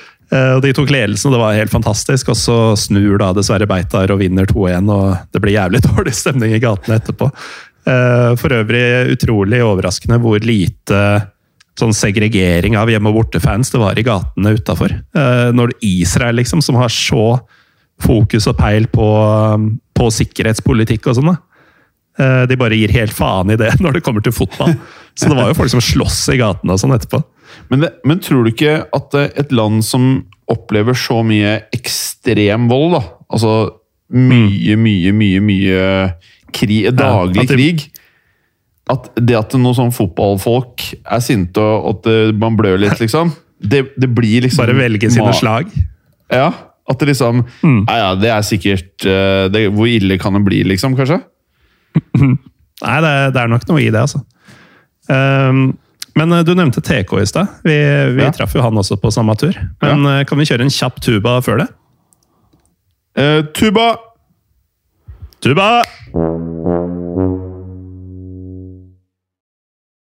Tuba er ferdig! Nå har tubaen vært kanskje Ja, faen. Det verste er at jeg burde gått og pissa, jeg òg, vet du. Jeg, jeg, jeg, klar, klarer, jeg, klarer, å holde meg. Jeg klarer å holde meg. Okay. Jeg vet ikke, jeg måtte pisse i det du gjorde, men så var jeg så slapp at jeg liksom bare Ja. Hva var det du prata om, egentlig? Husker du det? Ja, Vi skulle til TK etter hvert. Ja, TK, ja. ja, TK. ja. Mm. Ja, eh, nei, det, det var jo si siste om, uh, ja. Siste vi gjorde på turen, var å dra til Haifa, hvor uh, ja. Makabi Haifa holder til. Som da på den tiden var uh, sportslig leda av Tore Christian Karlsen. Ja. moderne medievenn, må det vel være lov å si. han er jo en av de to i Shivatse-podkasten. Mm. Snill, fin type. liker han veldig godt. Og når du sier snill, så mm. aner du ikke, altså. Fordi han tok virkelig hånd om oss i Haifa. Vi Eh, det, det, kan jeg jo si med en gang. Israel er fryktelig dyrt. Og dette var jo da på slutten av turen, så vi begynte jo nesten å gå tom for spenn. Ja. Um, vi ankommer Haifa på kvelden uh, mens det er sabbat, og sabbaten den kødder du ikke med. Uh, da er det stengt, liksom. Så vi var jo dritsultne og slitne og greier, men uh, det, det virka som om det ikke var liksom, noe å gjøre med det. Så sender vi en melding til eh, Tor Christian, og han sier at jo, fra der dere bor, så er det ca. ti minutter å gå til det og det hotellet. Der har de en eh, restaurant som har god mat, og de er åpne. Eh, så da fikk vi mat, da, takket være han. Og, et par glass i kroppen også. Og dagen etter Han hadde jo sagt at han skulle ordne billetter til oss, som jo er kult nok i seg selv. Men det han gjorde da, var at han kom jo til oss og leverte billettene der vi bodde på kampdagen. Eh, da han sikkert hadde mye å gjøre. Mm. Eh, han kom og slo av en prat og overleverte billetter, og sånn, og i tillegg leverte han noen eh, Makabi Haifa-skjerf og en genser og litt sånn ekstra greier. da. Og billettene vi fikk, de var, de var VIP-billetter. Ja. Det høres, høres ut som TK. Altså, han er bare, bare sånn folk der ute, hvis folk uh, lurer, da. Han er sånn gjennomsyra, god og snill og velmenende fyr, slik jeg kjenner han. altså. Veldig flott. ja. ja, og det er ikke sånn at jeg var god venn med han på forhånd. eller noe sånt. Han hadde møtt sånn én, kanskje to ganger eh, i gangene på moderne media. Men eh, det var tydeligvis ikke tema å ikke diske opp med litt eh, ekstra service og sånn eh, når det først var noe, noen nordmenn nordmenn han er så bra, ass. Ja. Nei, han, han faller i smak. Um, dessverre for han så var jo det en møkkasesong for eh, Makabi, så kampen var, eh, var ikke bra i det hele tatt. Men eh, det var utrolig gøy å være tre litt sånn shabby romerikinger som menga seg med dresskledde kakser fra det som tross alt er en eh, veldig rik eh, sånn eh, overklasse, middelklasse by i Ja. Israel. Vi hadde jo ingenting der å gjøre, men uh, vi nøt godt av både mat og utsikt. En ting jeg lurer på med Israel, uh, er det liksom uh, Er det er det, hva jobber folk med? Er det industri, eller er det finans, eller hva er det de gjør for noe, vet du det? Det er jo et, hva skal vi si, et helblods land, så de har vel sikkert de fleste industriene andre har, men de har jo For de får jo, ikke, de får jo liksom for de får liksom ikke lov til å eksportere og importere på samme måte med naboland deriblant. og det er liksom Nei, de har ikke mange venner blant naboene sine. Eh, Nei. Det har de ikke. Så det er liksom litt sånn Um, spesielle forhold, da. Mm. Ja. Men det er Ja, jo sånn som USA har jo vært en veldig gunstig partner for dem i alle år. da. Eh, Det hjelper jo bra på.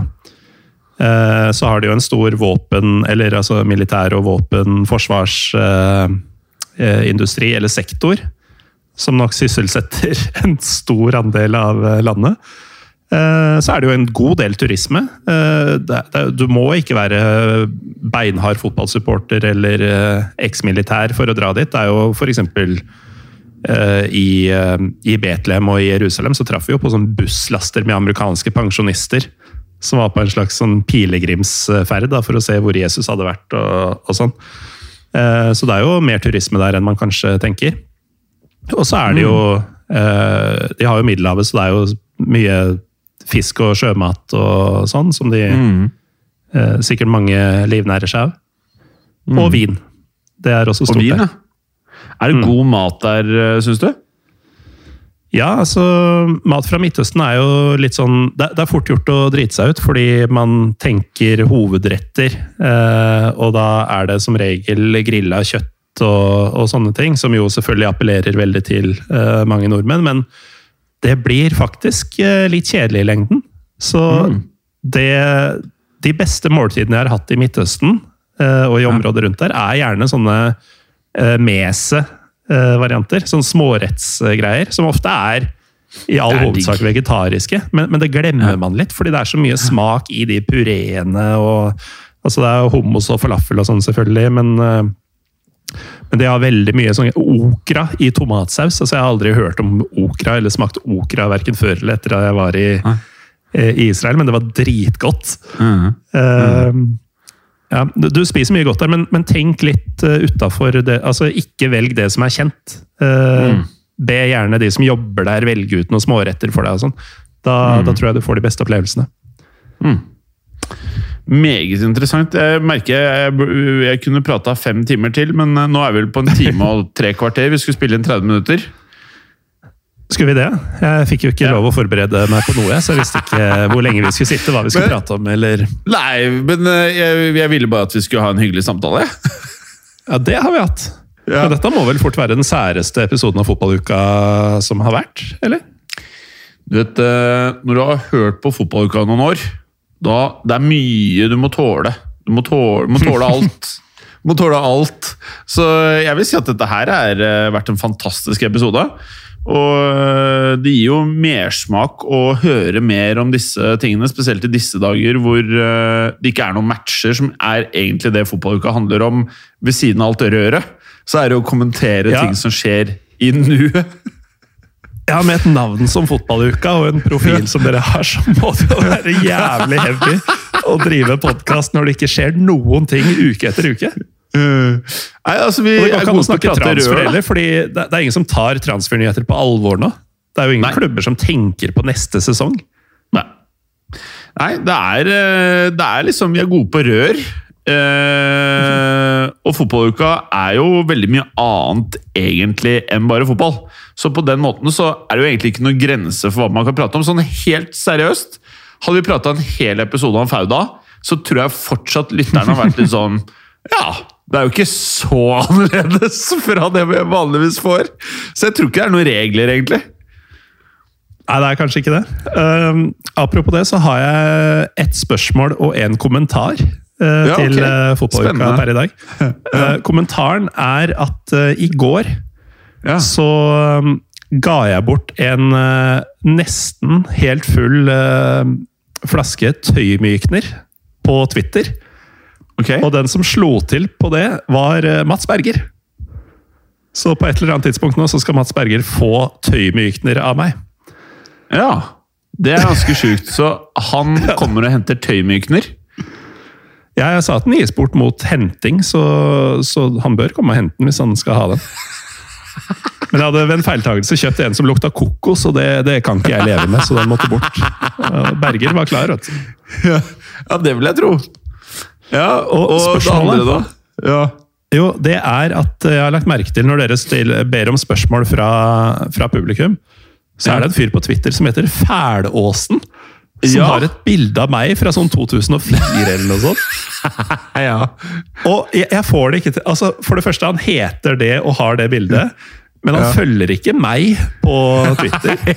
Og så har jeg gått gjennom liksom tweet-historikken hans med svara og sånn. og sånn. Det, er liksom ingenting som har noe med verken uh, meg eller, eh, eller fotballuka-ting egentlig å gjøre. Det er mye Manchester United, og så er det noen ganger ting til dere. Hva faen er, Hvem er dette? Jeg, er ikke helt sikker, men uh, Han er veldig aktiv som plutselig, liksom. Så kanskje er det en eksisterende lytter som har lagd en egen konto, som bare syns det er gøy at vi prater mye om fæle ting, og at du heter Galåsen, og at øh, vi har kalt den andre podkasten for Fæl, og at det blir Fæleåsen. Det, At det er noe sånn. Men uh, jeg opplever han ikke som noe hater eller noe troll i klassisk forstand, annet enn at han Nei, nei. har en dose humor, og at det er litt gøy det at Mm. øh, han har et gammelt bilde av deg. Ja, det, er bare, det, det er så lite som henger på greip der at jeg håpa at dere Ja, kanskje nei, visste noe mer om det. Men Nei, vi aner ikke noe annet. Vi er jo øh, kanskje ikke de aller beste på Twitter. Uh, Tamino82 er ganske bra. da. Ja, Tenk at ja, Når han først tweeter noe, så er det for å få tøymykner av meg. Ja, nei øh, Tamin82 øh, kjører sin greie. Det er ikke noe å si noe på. Nei, det er bra. Jeg, jeg, helt ærlig, jeg må fortsette å se Fauda. Jeg, det jeg må bli Eh, ferdig med Fauda i dag. Jeg er på episode sju. Skal vi se hvor mange er det da? Oi. Det er 13, hvis jeg husker riktig. Er det så mange?! Det får du til i kveld, vet du. Ja, skal vi se om jeg skal inn på IMDb her. 13? Ja, Hvor mange timer tror du det er, da? Men hvis jeg er på 7 De er jo ikke ikke så lange ofte. De er jo gjerne sånn 35-40 minutter. Ja, Så, så det går helt fint. Klokka er halv sju nå når vi er ferdig.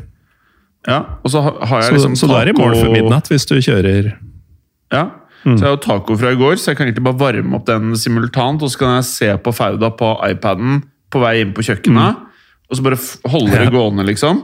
Skal vi se. Jo, men du må ikke finne på å gjøre noe annet mens Fauda går. Fordi Nei, en serie som ikke foregår på engelsk, den, du får ikke med deg altså Ser du bort i ti sekunder hvis du tar telefonen, så, så har du ikke fått med deg en vesentlig del av dialogen. Det her Så- kommer ikke du til å like, Morten, men jeg, jeg har gjort noe Ja, det, det her kommer ikke du til å like. Spent. Det jeg gjorde Jeg eh, Jeg så av min egen dumhet de to første episodene dubba til engelsk. Oi. Var det Ja, fordi du ikke bare- fulgte med? Ja, den bare At du bare ikke tenkte over det? Ja, for det gjør det, altså. Eh, den serien de, de bare Kalifat starta også. på engelsk. Ja. Mm. Og så hørte jeg bare sånn Og- liksom Når de prata i telefonen, så bare Og så tenkte jeg så Ok, da er det, er det var, Jeg var, sånn sløv i huet og liksom grøt i går kveld når jeg holdt på med å ha drukket en del øl og bare røra. Så tenkte jeg så, kanskje Var det sånn det var, kanskje?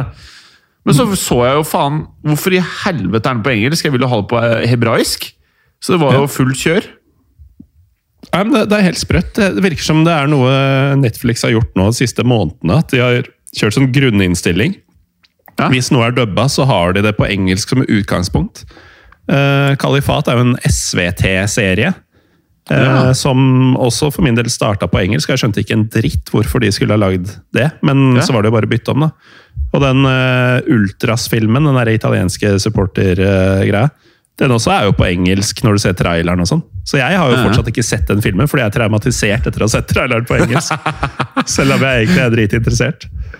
Men du tenker å se på eh, starte på English Game i dag, eller?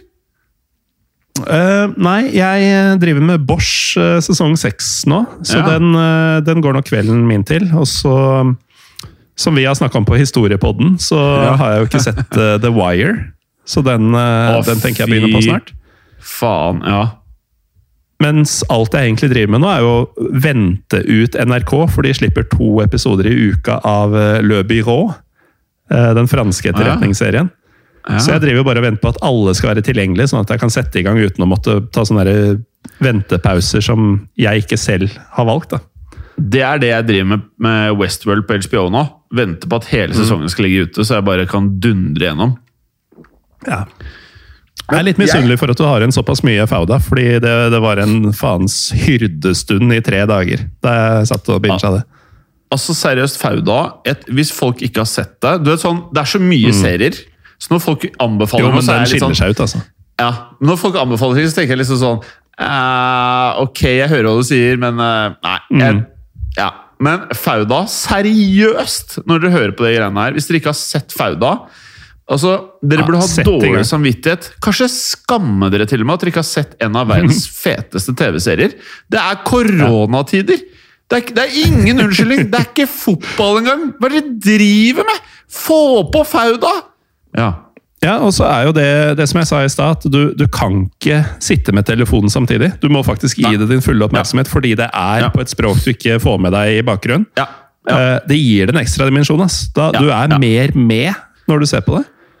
Og så er det jo litt sånn Litt sånn eh, som jeg nevnte om mine opplevelser fra da jeg reiste rundt der. At eh, de belyser jo faktisk begge sider.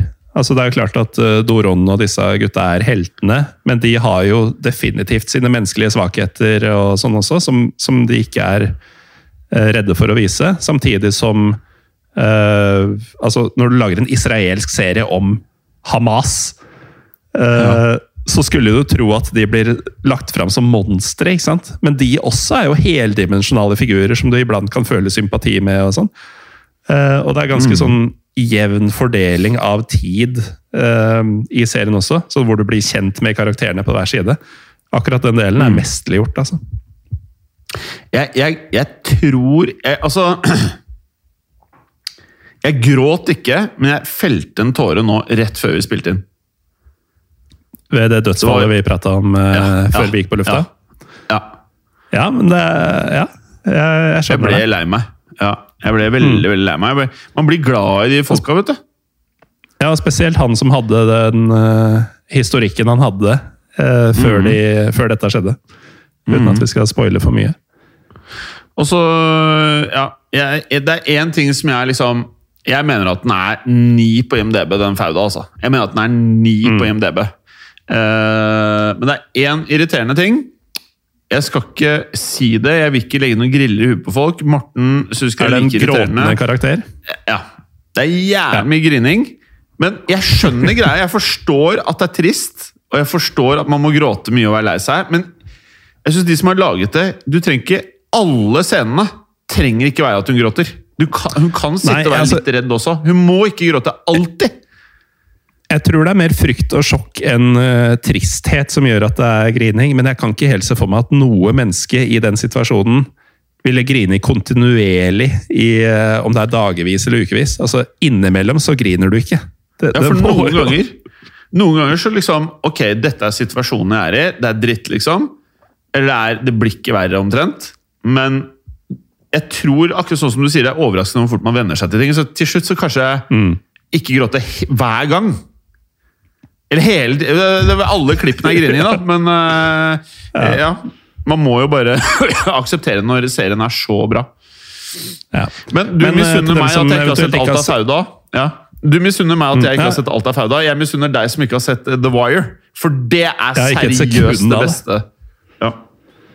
Ja, det, det, ser jeg fram til å, å, sette i gang med. Men uh, for dem som da ikke har sett Fauda i det hele tatt, så kan vi jo si at denne grininga sånn, den skjer ikke før et stykke ut i sesong tre. Så ja. eh, det, det, men, når men, den tid kommer, hvis, hvis, du hvis, du begynner med episode én nå, eh, du som hører ja. på, så kommer du til å tilgi dette når du kommer til grinedelen i sesong tre. For da er du så heavily invested i, ja. uh, i denne serien at du Alt er verdt det. Ja. Ja nei, det, det, det, er ikke noe problem. Og uh, som sagt så syns jeg at uh, det, er jævlig, det, er jævlig kult hvordan de har fått frem damene i serien. fordi jeg tror mm. på liksom at de er harde, og at de, de, jeg synes bare alle er gode skuespillere, og bare alt er helt sjukt, ass! Mm.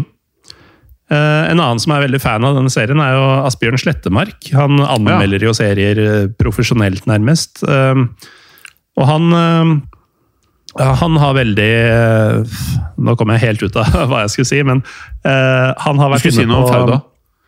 Ja, det med uh, produksjonen her, altså troverdigheten. Uh, og det har jo selvfølgelig med skuespillerne å gjøre, men også det at det er veldig sånn ujålete produsert. Som gjør at det føles kanskje enda mer ekte igjen da, enn de samme skuespillerprestasjonene i en Hollywood-setting, eller en Hollywood-produksjon. Jeg ønsker å spørre deg om du har lagt merke til én ting apropos produksjon. Jeg, jeg, vil ikke, jeg, vil ikke, nevne det, men når vi er inne på det, det er én ting som er litt sjukt med Fauda, sesong tre. Okay. Du vet, når de Når teamet skal på en båt for å reise inn et sted mm. La du merke til den filmingen eller CGI-en eller hva faen det var de gjorde for noe der? For det, det gjorde jeg nok ikke. Fordi okay, CGI, for, det hater jeg. Ja, for det, det det så rart ut. Det, det, må jeg bare innrømme. Men bortsett fra det, så er jeg helt enig. Men akkurat det reagerte jeg sterkt på. De har vel antagelig fått et større budsjett uh, etter hvert som tiden har gått. Uh, det er nok skitnere produksjon i sesong én enn i sesong tre, totalt sett. Ja. Uh, men, men, jeg er glad jeg ikke har lagt merke til det du prater om i sesong tre. For det, når jeg først legger merke til CGI, så er alt ødelagt. Ja. Men sånn avslutningsvis, hvilke er topp tre serier for deg som du kommer på nå sånn opp igjennom? Uh, uh, jeg, jeg, tror fort Fauda er der, altså. Um, mm. jeg, jeg, falt pladask for den da den først dukka opp, og så har jeg gleda meg enormt og bare slukt sesongene som har kommet siden. Um, mm.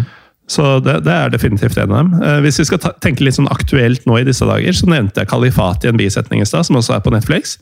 Har du sett den? Nei.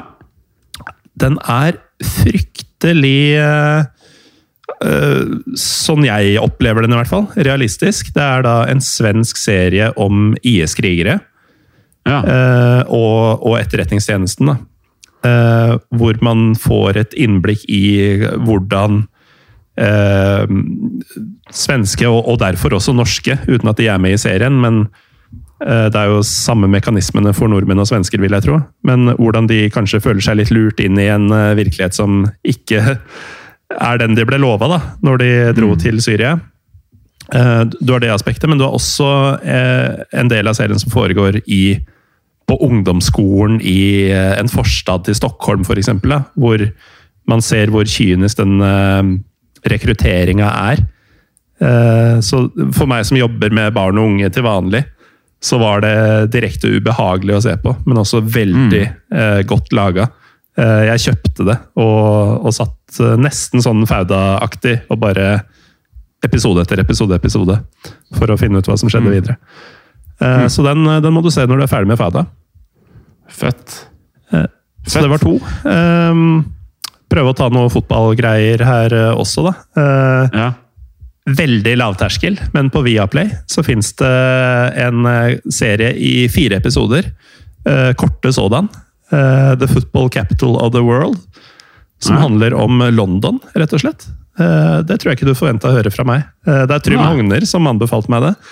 Ok. Eh, det er en episode om hver bydel, holdt jeg på å si. East, West, North, South. Hvor eh, han uh, meget entusiastiske reporteren som har lagd det, uh, gir en sånn lynintroduksjon til, til hver klubb og forholdet mellom klubbene i, i den delen av byen. Da. Og da er det selvfølgelig sånn Arsenal-Tottenham i nord, men også Barnet. Og så er det selvfølgelig Westham i øst, men også Laton Orient. Og så er det Palace, eller Sexy Crystal Palace, som det heter her i fotballuka. Det er en stund siden, men ja. Eh, Millwall altså det, det er Mm. veldig mye fokus på motsetninger og, og hvor eh, rik eh, på kultur da, Londons Mm. fotballby faktisk er. Og det, det er jo litt kult sånn nå hvor sånn som jeg er stadig mindre interessert i Premier League og den der glattpolerte, absolutte toppfotballen. og blir påminnet om at rett bortafor Stamford Bridge så finner du Brentford. Ja. Som jo er det rake motsetninga. Men som, som det liksom tar ti minutter å dra til med taxi. Eh, ganske, ganske kul sånn eh, Kult laga og veldig to the point. Lite bullshit. Runda det på en time hvis du skal se alle fire. Fett. Mm. Bra. Eh, har du sett The Defiant Ones på Netflix? Nei. Det er eh, fire episoder også. Dokumentarsak. Eh, om eh, Jeg vet ikke hva jeg skal kalle det. Om, eh, egentlig om musikkindustrien. Men eh, hovedrolleinnehaverne er eh, en som heter Jimmy Iveen, Som har eh, vært med og produsert alt fra Bruce Springsteen til Dr. Dre. Eh, Og som nå er sjef for Apple Music. Det er seriøst noe av det beste jeg har sett ever. Eh, men jeg har den ikke på topp ti eller topp tre-lista, men det er bare å se asap. Eh, og så så jeg de to første episodene av den nye Jordan-serien på Netflix. Har jeg allerede rukket å se to og en halv gang.